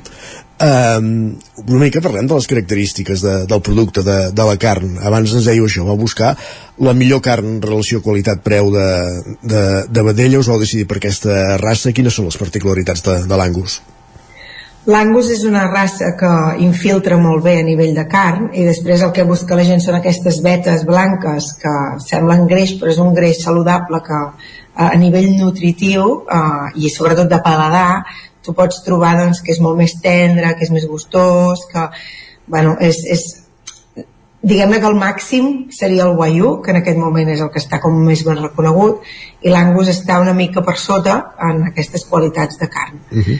no? Després nosaltres el que fem és engreixar-los quasi fins als dos anys, o sobrepassem els dos anys d'aquesta vedella, o bueno, pot ser mascle o femella, depenent de, de, de cada un, però sobretot aconseguim aquesta qualitat de carn, sobretot que arribin a aquesta edat, no? I clar, això té uns costos que és molt diferent d'una vedella que està engreixada amb, amb 12 mesos, no? que és el que trobem al supermercat. Uh -huh. Estem parlant d'això, de, de, de vedelles de, de pastura o de vedells de, de pastura, com, com bé comentaves. Eh, de, de quantes unitats consta ara mateix eh, aquest ramat? Nosaltres tenim un grup de 120, més o menys, en total. Uh -huh. eh, érem molt més petits i hem anat creixent i entre mares i vedells i els toros que tenim també és això, 120 quan dius pastura eh, m'agradaria eh, parlar d'això perquè és algo que s'ha posat molt de moda hi ha, tres, hi ha, hi ha els tres tipus no? hi ha la pastura 100% que això vol dir que només pastura en camp i només el pots trobar que ha menjat herba i palla o sí. herba, el que, tingui, el que trobi en el seu entorn natural Després hi ha el que nosaltres fem, que és mig i mig, que nosaltres fem molts mesos de pastura i al final fem uns dos o tres mesos d'engreix, amb, on hi, hi fiquem el pinso, que són els cereals, que això ens ajuda a que puguin uh, proporcionar el seu greix, no? I, perquè ho necessitem. Si no, la carn de pastura és com una carn que pots trobar uh, que, que, que ha estat sempre pasturant, s'ha estat sempre en moviment, uh -huh. i la duresa d'aquesta carn no te la pot donar el que nosaltres busquem de la qualitat de la tendresa no? Uh -huh. i després hi ha el que és integrat que és, és, és que ha estat sempre diguem-ne en, en estabulació molt bé. Uh, aclarit uh, el concepte, uh, abans comentàveu això, que ho, que ho vau començar venent per, per, per, a través de, de WhatsApp, ara ja podem trobar productes de, de la Musona en algunes botigues. I també, sí, no, i, i, i també en alguns restaurants, de fet, eh? Sí, ens podeu trobar eh, a Cala Tresona, eh, nosaltres ara mateix estem treballant allà, i en els restaurants ara mateix sobretot ens focalitzem en Canton, que és un restaurant on, on s'ha especialitzat en xuletons i en carn de qualitat, i allà eh, podeu trobar la nostra carn. Uh -huh. uh, després nosaltres ara hem començat a llançar un nou sistema o una nova manera de fer, que és volem fer experiències, i de fet ara a l'abril llançarem dues experiències que ja estan ja les podeu trobar a la nostra pàgina web que una és una experiència amb Antoni de Canton farem una masterclass de cuina de xuletons i ens dedicarem a, a entendre no? què és un xuletón, quina és la qualitat del xuletón que busquem, els pesos, la, la, el tipus de carn i després com cuinar-los a la barbacoa i com tallar-los i servir-los uh -huh i l'altre dia amb en Jaume Jordà farem un, un tas de un meat and wine, una carn i un vi. Farem unes cates de vins amb cates de carn ja va. això passarà, segurament encara no tenim dates tancades, però passarà a l'abril perquè volem que passi a fora uh mhm. -huh. i que sigui amb, amb una temperatura més agradable. Jaume Jordà, que pels profans diguem que és un distribuïdor de vins naturals, per entendre'ns, eh? per, per resumir-ho. Uh, i, I ja que citaves Canton, un restaurant de Santa Eulàlia de Riu Primer, que també tenim pendent de, de parlar amb ells en aquesta secció en els propers mesos, per tant podem aprofundir també amb la, amb la, amb la carn de, de vedella en aquest cas. Ens agradaria saber amb, amb, quina, amb quina oferta teniu, amb quines modalitats serviu la, la carn d'aquestes vedelles, perquè entenc que sí que hi ha el xuletón, hi ha l'entrecot, hi ha el filet, hi ha l'hamburguesa, diguéssim, tot tipus de, de, de, tot tipus de la gamma de, de vedella, diguéssim, és amb el que serviu també els vostres productes. Sí, nosaltres ho servim tot envasat al buit uh -huh. i després el producte que el servim té, tenim un llistat de productes sol ser això, eh? entrecot, xuletón, xurrasco estofat, podeu trobar carn picada, hamburguesa.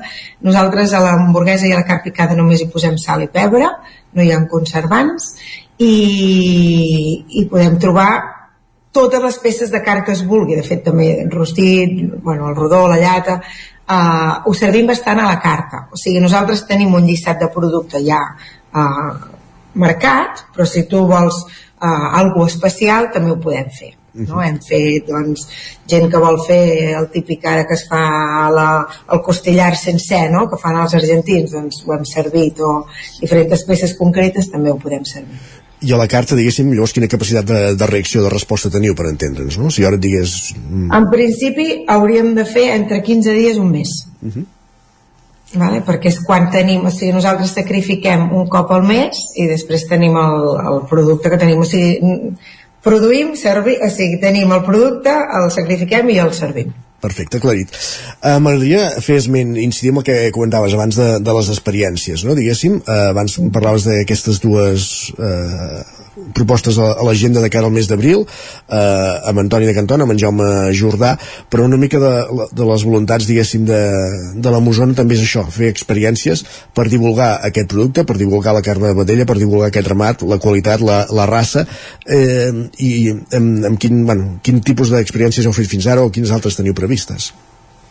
Nosaltres ara hem, hem muntat un espai on tenim una cuina oberta i un menjador on es pot fer tot tipus d'esdeveniments. Es podrien fer celebracions d'aniversari, que això ja ha passat, una persona ens ho ha reservat per aniversaris, eh, es poden fer celebracions de, de, del que es vulgui i nosaltres el que volem és començar a, a unir-nos amb altres persones que com per exemple eh, el vi o la carn o per exemple per Nadal vam muntar un taller d'experiències de Nadal on una, una persona que fa eh, eh, disseny corporatiu doncs vam engalanar una taula de Nadal després una coach ens va ajudar a gestionar les emocions per Nadal, perquè hi ha molta gent doncs, que per Nadal, per exemple, se sent saturat o se sent molt estressat per tots els àpats que han de fer, doncs ens vam ajuntar una coach, eh, una persona que decorava la taula i nosaltres, i vam ensenyar a cuinar un rodó de vedella i vam fer tot el tema del que envoltava el Nadal. Doncs la, la idea és crear aquestes experiències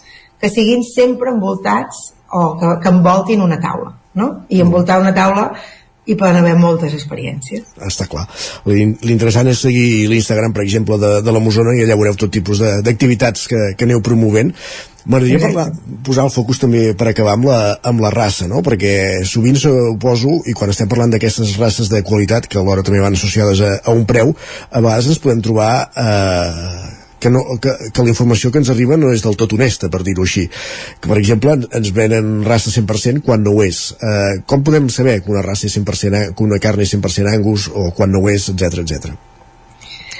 Eh, Aquesta, aquesta pregunta és difícil de que et respongui. Ara mateix jo estic uh, dintre l'associació d'Aberdeen Angus d'Espanya, mm -hmm. estic ficada a la Junta, i és un dels projectes que estem treballant. No? Uh, L'Angus, com a nom, és una raça, però s'ha creat una marca. No? Tu, tu, tu vas al supermercat i pots trobar hamburgueses d'Angus, uh, xuledon d'Angus, i en realitat doncs, pot passar, perquè fins i tot jo tinc companys doncs, que tenen animals que és un tant per cent angus barrejat amb un altre animal i de vegades a nivell de qualitat de carn no vol dir que sigui pitjor de vegades és molt millor un tant per cent d'angus amb un altre animal no? Um, el tema és que això hem creat una marca i després uh, com que vendre angus és una qualitat després tothom posa que té angus la idea amb l'associació que estem creant nosaltres bàsicament no és denunciar sinó és informar el que volem és que els consumidors tots estiguem informats de lo que estem comprant no? i que si tu busques 100% angus ho trobis amb una etiqueta i si és angus amb llimusí o angus amb bruna o el que sigui que t'informi, perquè al final tots busquem una qualitat de carn, no? Està I és, in, és indiferent, però penso que en aquest sector eh, és important que comencem a poder posar etiquetes a les coses de la veritat, de lo que hi ha. Està clar. Doncs Cristina Pujollers, moltíssimes gràcies per parlar-nos de la Mosona i que vagi molt bé aquesta A iniciativa. vosaltres per invitar-nos. Fins la propera. Bon dia. Vinga, bon dia, gràcies, adeu. adeu.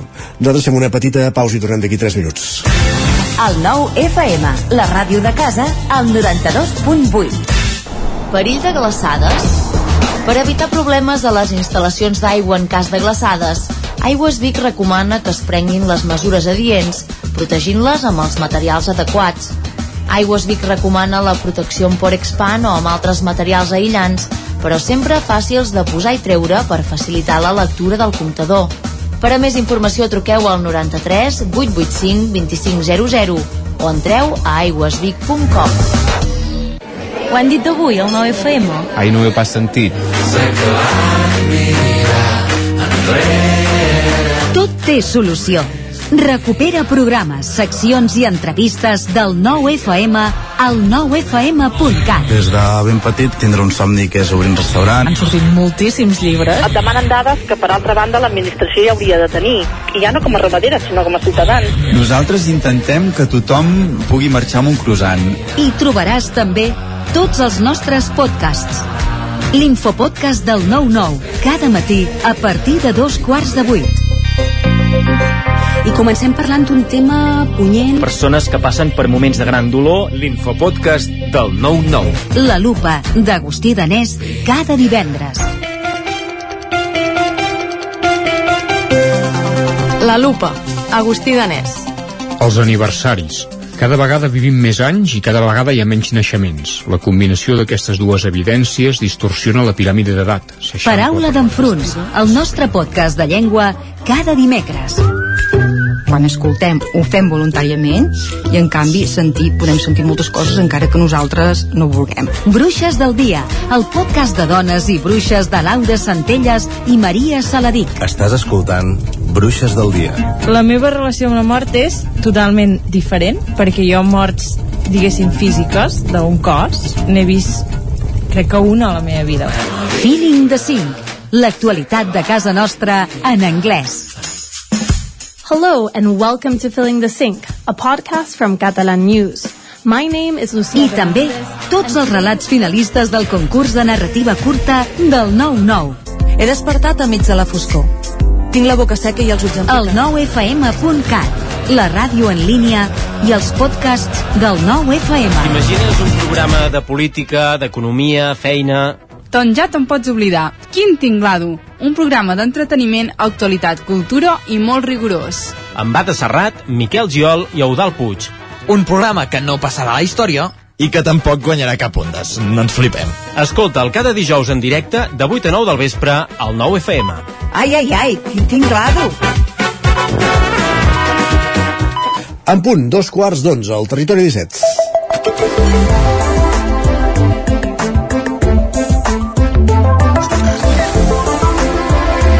I aquesta sintonia ens indica com cada matí que és el moment d'endinsar-nos a X, allò que abans en dèiem Twitter. Guillem Sánchez, benvingut, bon dia. Bon dia i que jo en segueixo dient Twitter. Ah, entesos, doncs ja està. Doncs ja està. Twitter. Endavant.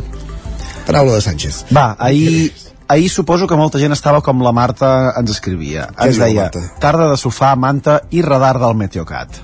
Ui. Això Va fer fiasco. equivaldria a un debat, a una secció monogràfica només de prediccions, pluja, neus i, i coses diverses, sí, sí. que em sembla que al final no s'han acabat complint. No sé complint si gaire. com anaven de cues al Decathlon i els tallers de cotxes venent cadenes, plumes i... Canviant les rodes, i, també. I botes, sí, ciruques. En Roger també ens apuntava aquest matí, diu, no havia de ploure tant.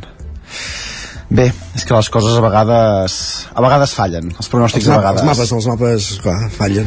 També s'ha de dir, si algú descobreix que plou en algun lloc, que, que ens avisi, eh? Que, que ens avisi i ens en farem També ressò. fer, em feia gràcia perquè ahir ja el temps de TV3 al vespre ja em deien que nevaria només a l'Alt Empordà i ara aquest matí arribava, mirava les Ja ni incidències això, no? mirava les incidències de trànsit i, i tots són carreteres L de Lleida i del Pirineu, clar Malament, doncs. Prediccions, prediccions que han, que han fallat. Va, anem a una altra qüestió, eh, missatges com per exemple els de la Sandra, que la ens escriu avui. M'he trobat un amic de la carrera que feia 20 anys que no veia i m'ha dit Ostres, Sandra, què hi fas per aquí? Però si estàs igual. Diu, hagués quedat molt bé dir-li el típic Carai, tu també, però clar, m'ha hagut de dir qui era. Caram. 20 anys, eh? 20 anys. 20 anys, el temps passa i els records a vegades també s'esborren. Aquesta de l'Eduard també està bé, ens escriu M'han parat els Mossos a la nit i quan he dit que era forner m'han fet salutació i m'han deixat continuar. Quin traficant amb el maleter ple diria com a excusa que és forner? Exacte. No donguem idees, eh, tampoc? No, No, donguem no, no. idees que ara ens trobarem una mà de forners Ves que no- viatjant per les carreteres. És que llavors ho vulguin descobrir si portes farina. Va, i a veure si et ve algú al cap, Isaac, després d'escoltar aquesta piulada. Iam. Ens escriuen, hi ha gent que porta molts anys dinamitzant els grups de WhatsApp amb aportacions diàries i Jogo Bonito, que han desenvolupat un llenguatge personal i fan un ús molt precís d'emojis, stickers i àudios sense cap més pretensió que fer riure als seus amics. Diu, són gent superior. Molt bé. Jo quan algú diu la paraula dinamitzar, i, so, i solo treure la Z. Dinamitar. Dinamitar. Però vaja, en fi, cadascú ell amb les seves accions. I tant, va, i parlant de gent trempada i activa, atenció al missatge d'en Jordi, que ens escriu Fa molts anys que toco en grups de música i organitzo concerts i us puc assegurar que quan coneixes un grup, el més enrotllat, sempre sol ser el furgoneter. Ah, que el guitarrista. No. Va per una altra banda. Jo he de dir per això que no en tinc cap experiència en el sector de la música, per tant no ho puc uh, corroborar. Tampoc tinc experiència... Encara, hi- encara hi ha molts grups que el furgoneter és un dels músics, eh? també Sí, també, correcte, comparteixen rol, comparteixen rol. Tampoc tinc experiència, però, en situacions com aquestes que ens escriuen per xarxes. Ens diuen, ahir vaig anar a provar això de l'escalada per fer currículum al Tinder i avui no em puc rascar l'esquena. Això de lligar cada cop ho posen més difícil. Deixeu-ho estar, això de l'escalada està fet. Jo sí he d'anar a fer escalada per poder mantenir mm, una relació personal amb algú que em vagin buscant a una altra banda. L'escalada està sobrevalorada. I tant. I no sé com valorar, Isaac, aquest missatge de la Jèssica. Atenció, eh? Ja. Diu, el meu fill em comenta com lliga. Dos punts. On hi cap una rissa, està mal escrit, però on hi cap una rissa i cap una llonganissa. I té més raó que un sant. Carai, tu. Refranys del segle, del segle XXI. I ahir em sembla que Isaac tenia en protagonisme usonenc al joc de cartes, Total i oi? absolut. En Nil ens en fa un resum. Digue'm què diu en Nil. Ens diu això del joc de cartes, fotia temps que no el veia i la gent és cada cop més rondinaire. Diu, bé, més xunga. Va, val a dir Val a que, dir, a que el veure. capítol d'ahir d'Osona, veient el que hem vist les últimes setmanes, mesos al joc de cartes, Encara encara, encara hi havia, mira, encara és una mica de... En fi, I en, mira, i en Jaume ens aporta el següent. Diu, aviam fer el joc de cartes d'Os- d'Osona sempre em sorprèn com es destrueixen quan haurien de promocionar-se entre tots. Diu, felicitats als dos restaurants de Taradell, collonuts els dos. Diu, si s'hagués fet fa 20 anys hi hauria sortit la Remei de Sant Marc. Uh, no ho sé, el que està clar és que fent-ho ara, i si el que busquem és el millor restaurant, n'hi ha molts d'altres a, a Osona, i no vull dir res dels quatre que van sortir ahir, que se'ls ha de valorar una cosa, se'ls ha de valorar una cosa que és que han dit que sí a una proposta que la majoria de restaurants diuen que no. Correcte. Perquè, i això que s'ho faci mirar el programa, ho hem dit ja a la portada, si tot, tens tot un sector de cul per, per un programa que intenta promocionar el sector, és Senyal que a ten- vegades potser tens les problema. I acabarem amb un missatge de la Júlia, Isaac, ben ràpid. Diu, arribo a casa dels meus pares i el meu pare m'agafa, em porta a la cuina i em diu la teva mare està enfadada amb mi perquè aquesta nit li he donat una cosa mentre dormia. Diu, però és que estava somiant que jugava amb en Griezmann. Diu, ha procedit a descollonar-se. Carai. Uh, no sé com valorar tampoc aquesta piulada, no sé si és seguidor de l'Atlètic de Madrid, el que sé és que avui torna a haver-hi Supercopa, aquesta Supercopa estranya, gaudiu del futbol mentre, mentre pugueu perquè a prop de casa ja no, ja no es pot fer res. Llavors, i, i si el, el qui guanya avui juga a la final amb el Madrid, oi? El diumenge a les 8 del vespre, em Carai, sembla. Hòstia, el diumenge a les 8 del vespre. Sí, aquell Fins- horari fins també... Sí, aquell horari magnífic. Turisme, turisme per allà, per allà baix. Sí, poden fer moltes coses. Turisme pagat, com que Exacte. tampoc tenen altra feina. Va, Sánchez, Que moltes molt gràcies. bé. Fins di... demà vens a fer esport, sí, no? Si em convoques, sí. Doncs fins demà. Va, convocat, vinga, adéu-siau. que vagi bé.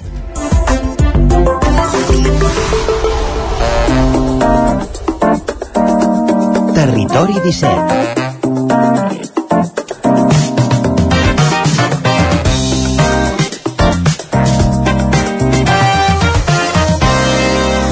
6 minuts que passen de dos quarts d'onze del matí demà en Sánchez ve a fer esports però ara qui ve a fer cine són en Joan Garcia i en Gerard Fosses des de la veu de Sant Joan reprenem la secció de cine primera secció d'aquest 2024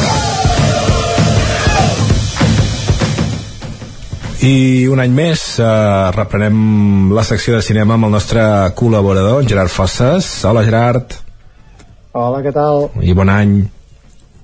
I bon any també a tots vosaltres i als nostres oients. Mm -hmm. Sembla com curiós, eh? però és, és, és l'inici d'any, cinematogràficament parlant, és, és intens, no? Sí, sempre, al, al final d'any i l'inici d'any eh, sempre són intensos, perquè diguem que és quan s'acaba la temporada de festivals, les pel·lícules que han tingut més èxit s'estrenen més o menys ara, i són les pel·lícules que també van optar als premis, no? que ja fa un temps que s'estan donant i que ja anirem comentant. Mm -hmm. Però sí, sí, sempre al, al final d'any i fins al febrer sol ser bastant interessant. Molt bé, si et sembla fem, fem un repàs ja de les estrenes de la setmana perquè després també parlarem de, de premis i de, i de la secció de necrològiques també uh, mm. per tant que, que, que arrenquem ja amb les novetats amb el que vols destacar aquesta setmana Bueno, aquesta setmana també s'ha de dir que és potser un pèl més fluixeta, però que, que venen pel·lícules, mira, doncs, per passar l'estona i la mar d'entretingudes i amb alguna parleta millor. Però la primera de totes estem parlant d'un film d'acció protagonitzat per Jason Statham, o sigui que sabem el que ens podem esperar, que es titula Beekeeper el Protector. Es usted una bendición, señor Clay. Aquí solo había hierbajos y maleza, y usted le ha devuelto la vida. La señora Parker y yo éramos amigos, como si fuéramos familia. Era la única persona que se ocupó de mí. He recibido un mensaje de que tengo un virus en el ordenador. Sí, señora, ya lo arreglamos nosotros. Ayer se pegó un tiro. Esto es propiedad privada. ¿Saben qué hacen aquí? Estafar a los más débiles.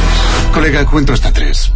Uno, dos, tres. Ya está. Te lo he ahorrado.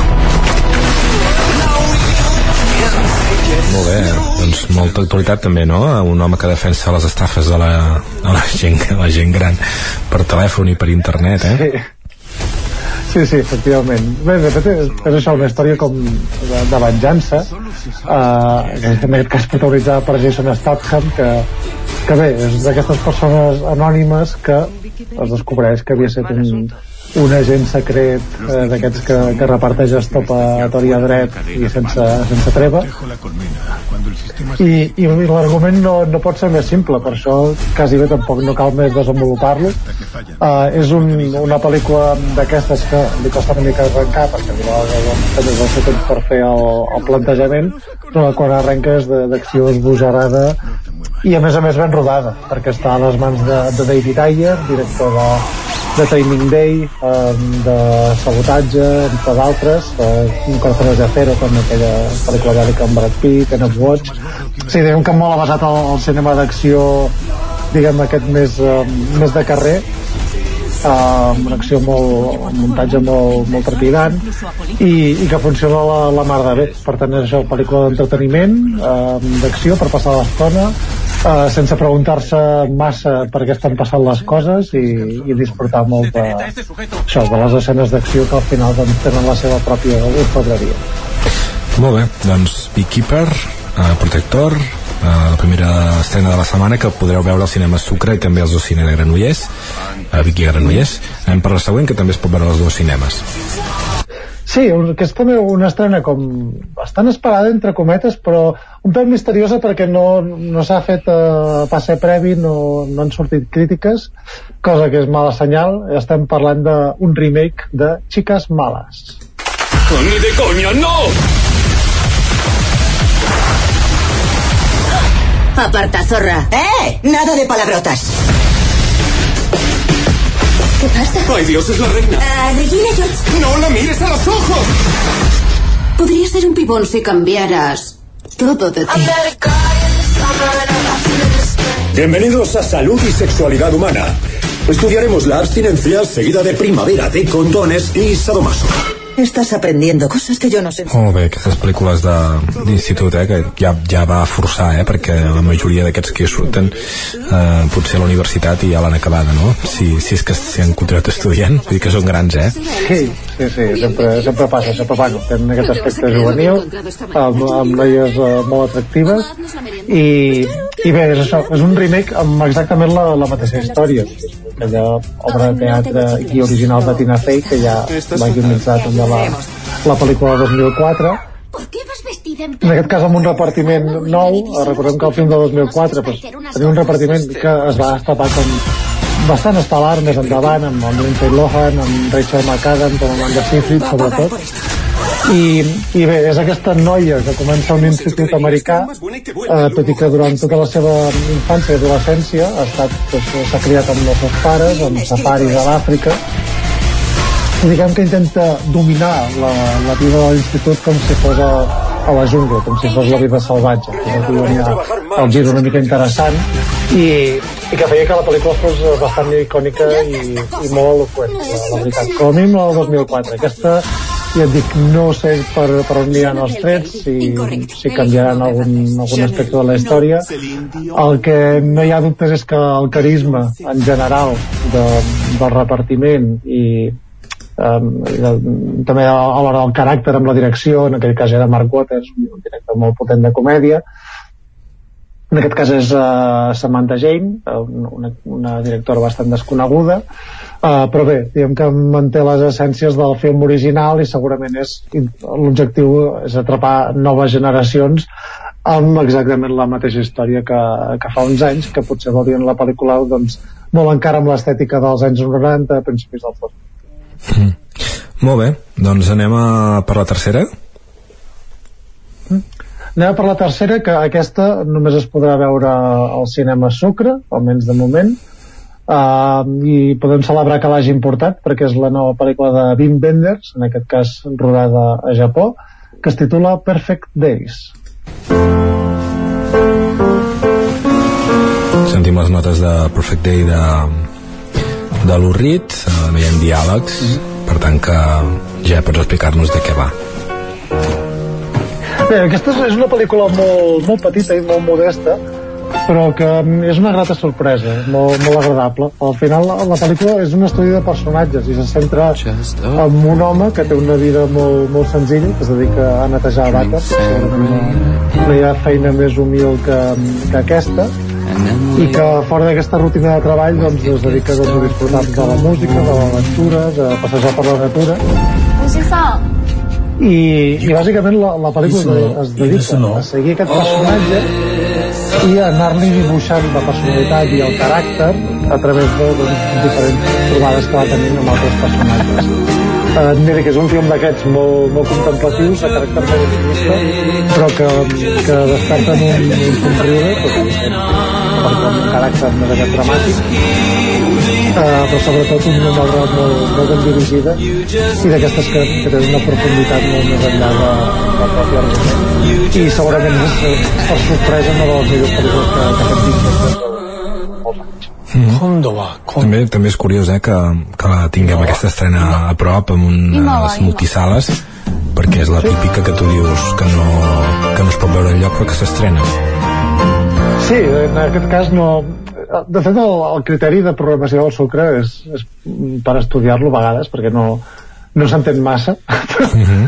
però, però bé a vegades l'encerten i a vegades per casualitat doncs porten aquest tipus de, de pel·lícules que, que crec que és, un, és per aprofitar-les i, i per anar-les a, a veure. Molt bé, doncs ara sí anem a fer la secció necrològiques aquesta setmana ja ho sabem i de fet ahir vam dedicar-hi alguna part de la programació de, de l'emissora perquè hi havia un Sant Juni que tenia una certa relació amb, amb Ventura Pons una, a través d'una anècdota, eh? un Sant Juni que, que va escriure un llibre i va estar a punt eh, o, o, o Ventura Pons va tenir la idea d'adaptar-lo al cinema tot i que no, no es va fer mai però vaja. Sí, al final no va aconseguir, sí, per això tampoc no, no hi aprofundirem molt, simplement donar-li el recordatori també dintre de, de la secció de cinema a, a un dels directors més importants de la història del cinema en català, sobretot per aquest fet, perquè sempre ha fet uh, cinema en català, ha apostat molt fermament per la llengua i sobretot durant l'època dels anys uh, finals dels 70, 80, 90 doncs va ser un, un director de, molt rellevant. Uh, llavors, òbviament doncs, ha fet pel·lícules molt més barates, li ha costat molt més aixecar finançaments però ha seguit amb la seva aposta ferma de, de treballar per fer cinema català i, i al final el seu llegat és com, com una figura molt rellevant dins de, de la història del nostre cinema. Segurament amb, diguem, en parella amb, amb altres directors com, com Agustí Villaronga per exemple o, o Vives Luna però clar, aquí en aquest cas molt, molt arrelat en el tema de, de la llengua i un cinema molt més pròxim a la societat catalana. Molt bé, i l'altra necrològica? Sí, aquesta també l'hem sabut durant les festes de Nadal i ens va sorprendre molt, uh, també és una mica més fosca, en aquest cas és del Lee Sung Kyun, uh, actor coreà que es va fer molt famós sobretot gràcies a, a protagonitzar la pel·lícula Paràsitos que de fet ha estat com bastant protagonista aquest any perquè ha estat dues pel·lícules que van passar per Sitges eh, que com són Romance Assassino i el film de terror Sleep que és un, un dels grans films de terror de l'any i va ser trobat mort al seu cotxe uh, i, i bé, en, també en estranyes circumstàncies perquè tenc que estava involucrat en temes de drogues i tal, en, en temes de depressió i dir que tampoc mm, no s'hi ha aprofundit molt més però mm, ara que tenia una carrera que estava com bastant disparada i bastant al primer nivell doncs és una llàstima que, que haguem perdut també aquest gran actor. Molt bé. I, i ara sí, parlem dels Globus d'Or ràpidament mm. Sí, els, els Globus d'Or que s'han donat a, eh, això, aquest passat cap de setmana i que, que marquen una mica el preludi de, dels Oscars, en aquest cas en aquest Barbenheimer, que semblava que, que es disputaven eh, quina seria la triomfadora, eh, les taules se les han portat a Penheimer, perquè han agafat la davantera en Barbie, s'han portat el, el Globus d'Or a la millor pel·lícula dramàtica, també a la millor direcció per Christopher Nolan, i fins i tot a la categoria de comèdia el premi ha estat per Pobres criatures de Yorgos Lanthimos pel·lícula que va passar per Sitges i que ja també comentarem quan s'estreni um, de la qual també se'n va portar el premi en Stone com a millor actriu protagonista per davant de Margot Robbie a les interpretacions va guanyar Lily Laxton de Assassinos de la Luna Robert Downey Jr. també per Oppenheimer i Paul Giamatti com a millor actor protagonista bastant per sorpresa um, per al film de Los que se queden que es va estrenar també durant aquestes vacances i que, que ja vam comentar en aquest cas, Barbie es va quedar amb el premi aquest nou que s'han inventat de millor èxit comercial o premi al, al mèrit comercial, que mira, doncs, mm. és alguna cosa. Sí, és aquest premi de la Tepa no és gaire bona, però, però ha funcionat. Sí, sí, exacte, ha, ha tingut el seu impacte a nivell mediàtic. I en sèries, no cal mencionar-ho, la majoria de premis per, per Succession, que, que va tancar diguem, tota la seva història aquest any amb la quarta temporada, i ha estat premiada també als, als Globus d'Or. Molt bé, anem a fer un repàs a la cartellera del Territori 17, el cinema comtal de Ripoll, Anatomia de una caïda i Migració en un viatge patas per arribar. Sí, en aquest cas la pel·lícula Migració, la pel·lícula de, de cinema infantil, amb caràcter totalment familiar, i Anatomia de, de una caïda, que és això una de les pel·lícules de l'any, també molt, multinominada, i que ara hi ha l'oportunitat de veure-la a Ripoll. El casal Camprodoní, Los colores del incendio, Sí, aquesta és una pel·lícula mm, dramàtica amb caràcter històric que se situa l'any 27 a, a França amb, amb uh, diguem, tejemanejes econòmics. I bé, d'aquestes mm, pel·lícules molt basades en una novel·la també, molt, molt basades diguem en la seva trama i d'aquestes que, que entren bastant bé. El cinema Catalunya de Ribes, Cerrar los ojos. També una gran oportunitat per veure aquest film de Víctor Erice, segurament l'últim de la seva carrera i una de les seves grandíssimes pel·lícules um, que es podrà veure en aquest cas a, a Ribes. A l'Esbarjo de Cardedeu, saben aquell? Sí, en aquest cas apostant pel cinema català, aquest film basat en la, en la tira de l'Eugenio. I mm, després el cinema Alhambra de la Garriga, El Chico i la Garza, Anatomia d'una caïda, El maestro que prometió el mar, um, ET, no? Sí, eh, i... i finalment uh, el que el Ben s'endugué també mm -hmm. fan aquesta sessió retrospectiva o sigui que és un cap de setmana per passar-se al cinema a l'Ambra eh? perquè realment molt, molt bones pel·lícules estrenades més recentment el mestre que, que va prometre el mar mm, dos magnífics films com El Chico de la Garza de, de Hayao Miyazaki d'animació també de, de Ghibli i el Anatomia d'una caïda i ET doncs, que és un d'aquests clàssics i obres mestres um, immortals per excel·lència. Seguim amb l'Alter de Torelló El Acusado. Sí, en aquest cas també una molt bona pel·lícula que també és, és estrenada fa un temps. Uh, vam parlar quan es va estrenar i, i és sobre un noi d'una família rica que és acusat per, per temes de violència de gènere i hi ha tot un entramat al voltant de, de com diguem afronta aquesta acusació i per últim, el Cineclub de Vic, ja el dimarts de la setmana vinent, Zombie Child. Sí, Zombie Child, que és un film de Bertram Bonello que, que tracta el tema del zombi, però no us imagineu aquestes uh, plagues o hordes de, de zombis, sinó que parla del tema de, del zombi haitià, aquest uh, concepte del zombi original, esclau, uh, i ho relaciona doncs, amb el colonialisme francès, amb una història explicada en dos temps, molt interessant, i sobretot recordar que aquesta propera sessió no se celebrarà a l'ETC com és habitual, sinó que es farà a l'Atlàntida de Vic perquè l'ETC està en obres i algunes sessions de cineclub s'hauran de, de traslladar en aquest cas a l'Atlàntida Molt bé, però què us, què, què us hi fan? Fan millores. Uh, fan alguna cosa a l'escenari, que em sembla que l'han de baixar una mica o alguna història així, però bueno, em ocuparà un, dos o tres setmanes de, de gener, cosa que retocarà una mica la programació, però bé, l'activitat la, segueix. Perfecte, doncs escolta, moltíssimes gràcies i, i fins la setmana vinent. Vinga, fins la setmana que ve. Territori 17 8 minuts perquè siguin les 11 del matí. Deixem enrere el cine però no la ficció. Uh, mira, si, si no poden fer cine a l'ETC perquè fan obres i, han, i tenen l'Atlàntida, la, també és un espai de luxe per poder fer les, acollir les sessions de, de cineclub aquests dies, com ens comentàvem ara en Gerard i en Joan. Ara el que fem és però parlar de sèries en companyia de l'Isaac Montades. Benvingut de nou, Isaac. Hola, Isaac, bon dia. Bon dia, benvingut. Bon, bon any, eh, la secció de sèries. Si bon any, sí, sí. Ja, ja tornem a, a estar aquí a, un dia més per recomanar-vos sèries. Uh, no sé si aquest uh, Nadal has tingut temps, Isaac, de veure'n alguna i de posar-te al dia en aquelles que tenies Mira, endarrerides he vist la de Núñez, ves per on. Ah, ostres, el mira, de Núñez d'Esport 3 sí. això? Uh, ah, Esport 3, ai, Esport 3 no, perdó sí, el, com en diuen, el 3CAT, home la plataforma vale. de TV3 està, per entendre'ns me, me l'apunto perquè realment ha de ser interessant eh? ho és, ho és, el, el, el tema de la portera sí. que potser és el més, de el fet, més destacat del per, parteix d'aquí, de fet exacte uh, mira, jo us porto un spin-off uh, de la Casa de Papel ja sabeu, aquesta sèrie uh, tan exitosa a nivell mundial no? del, del robatori en el seu moment de la Casa de la Moneda i el Timbre i, i després del Banc d'Espanya en la seva en la seva segona temporada. Els ligots d'or i Exacte, i bàsicament doncs, aquest cop eh, és un spin-off que passa uns anys abans. Eh, només hi ha un de, dels protagonistes al principi, tampoc vull desvetllar gaire més de, de l'atracament de la Casa de la Moneda del Timbre, que és en Berlín.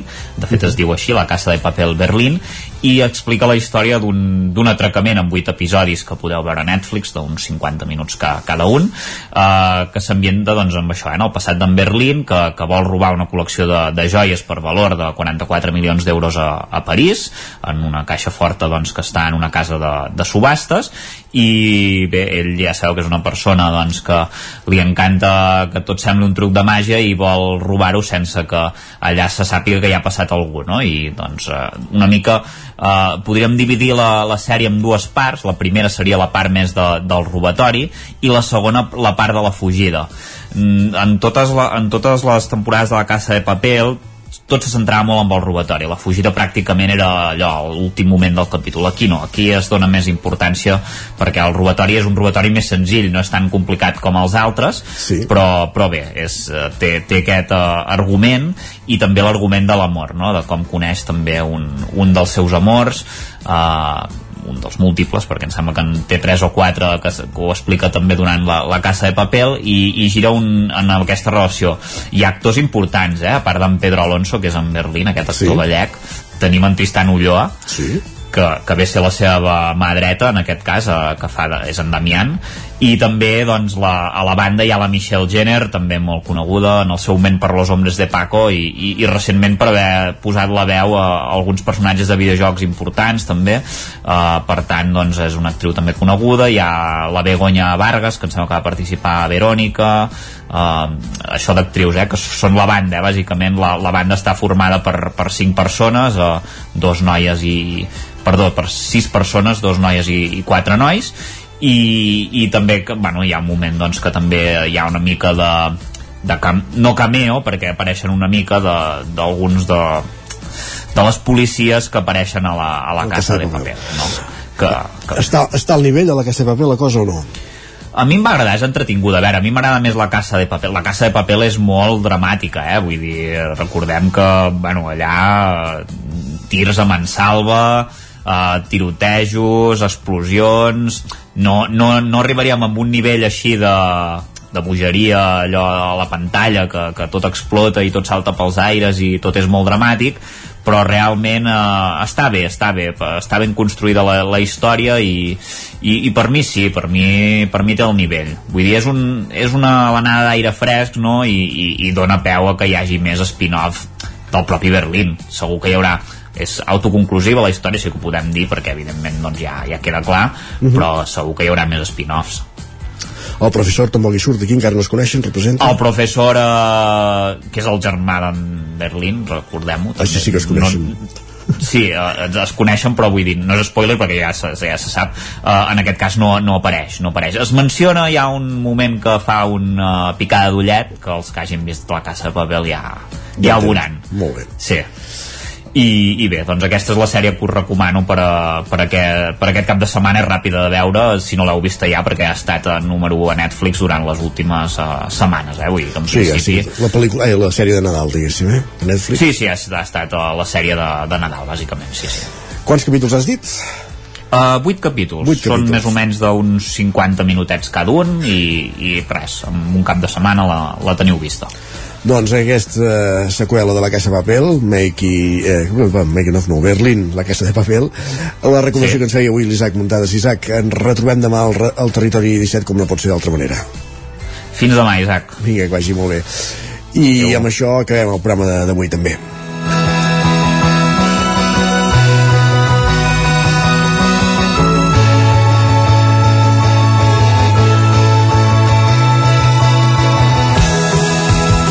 Hem començat a les 9 i hem estat fins ara. Us hem acompanyat Isaac Muntades, Roger Rams, Enric Rubio, Pepa Costa, Guillem Sánchez, Gerard Fossa, Joan Garcia, Sergi Vives i Isaac Moreno. El Territori 17 hi torna demà, que serem divendres. Fins aleshores. Gràcies per ser-hi. Molt bon dijous. Adéu-siau.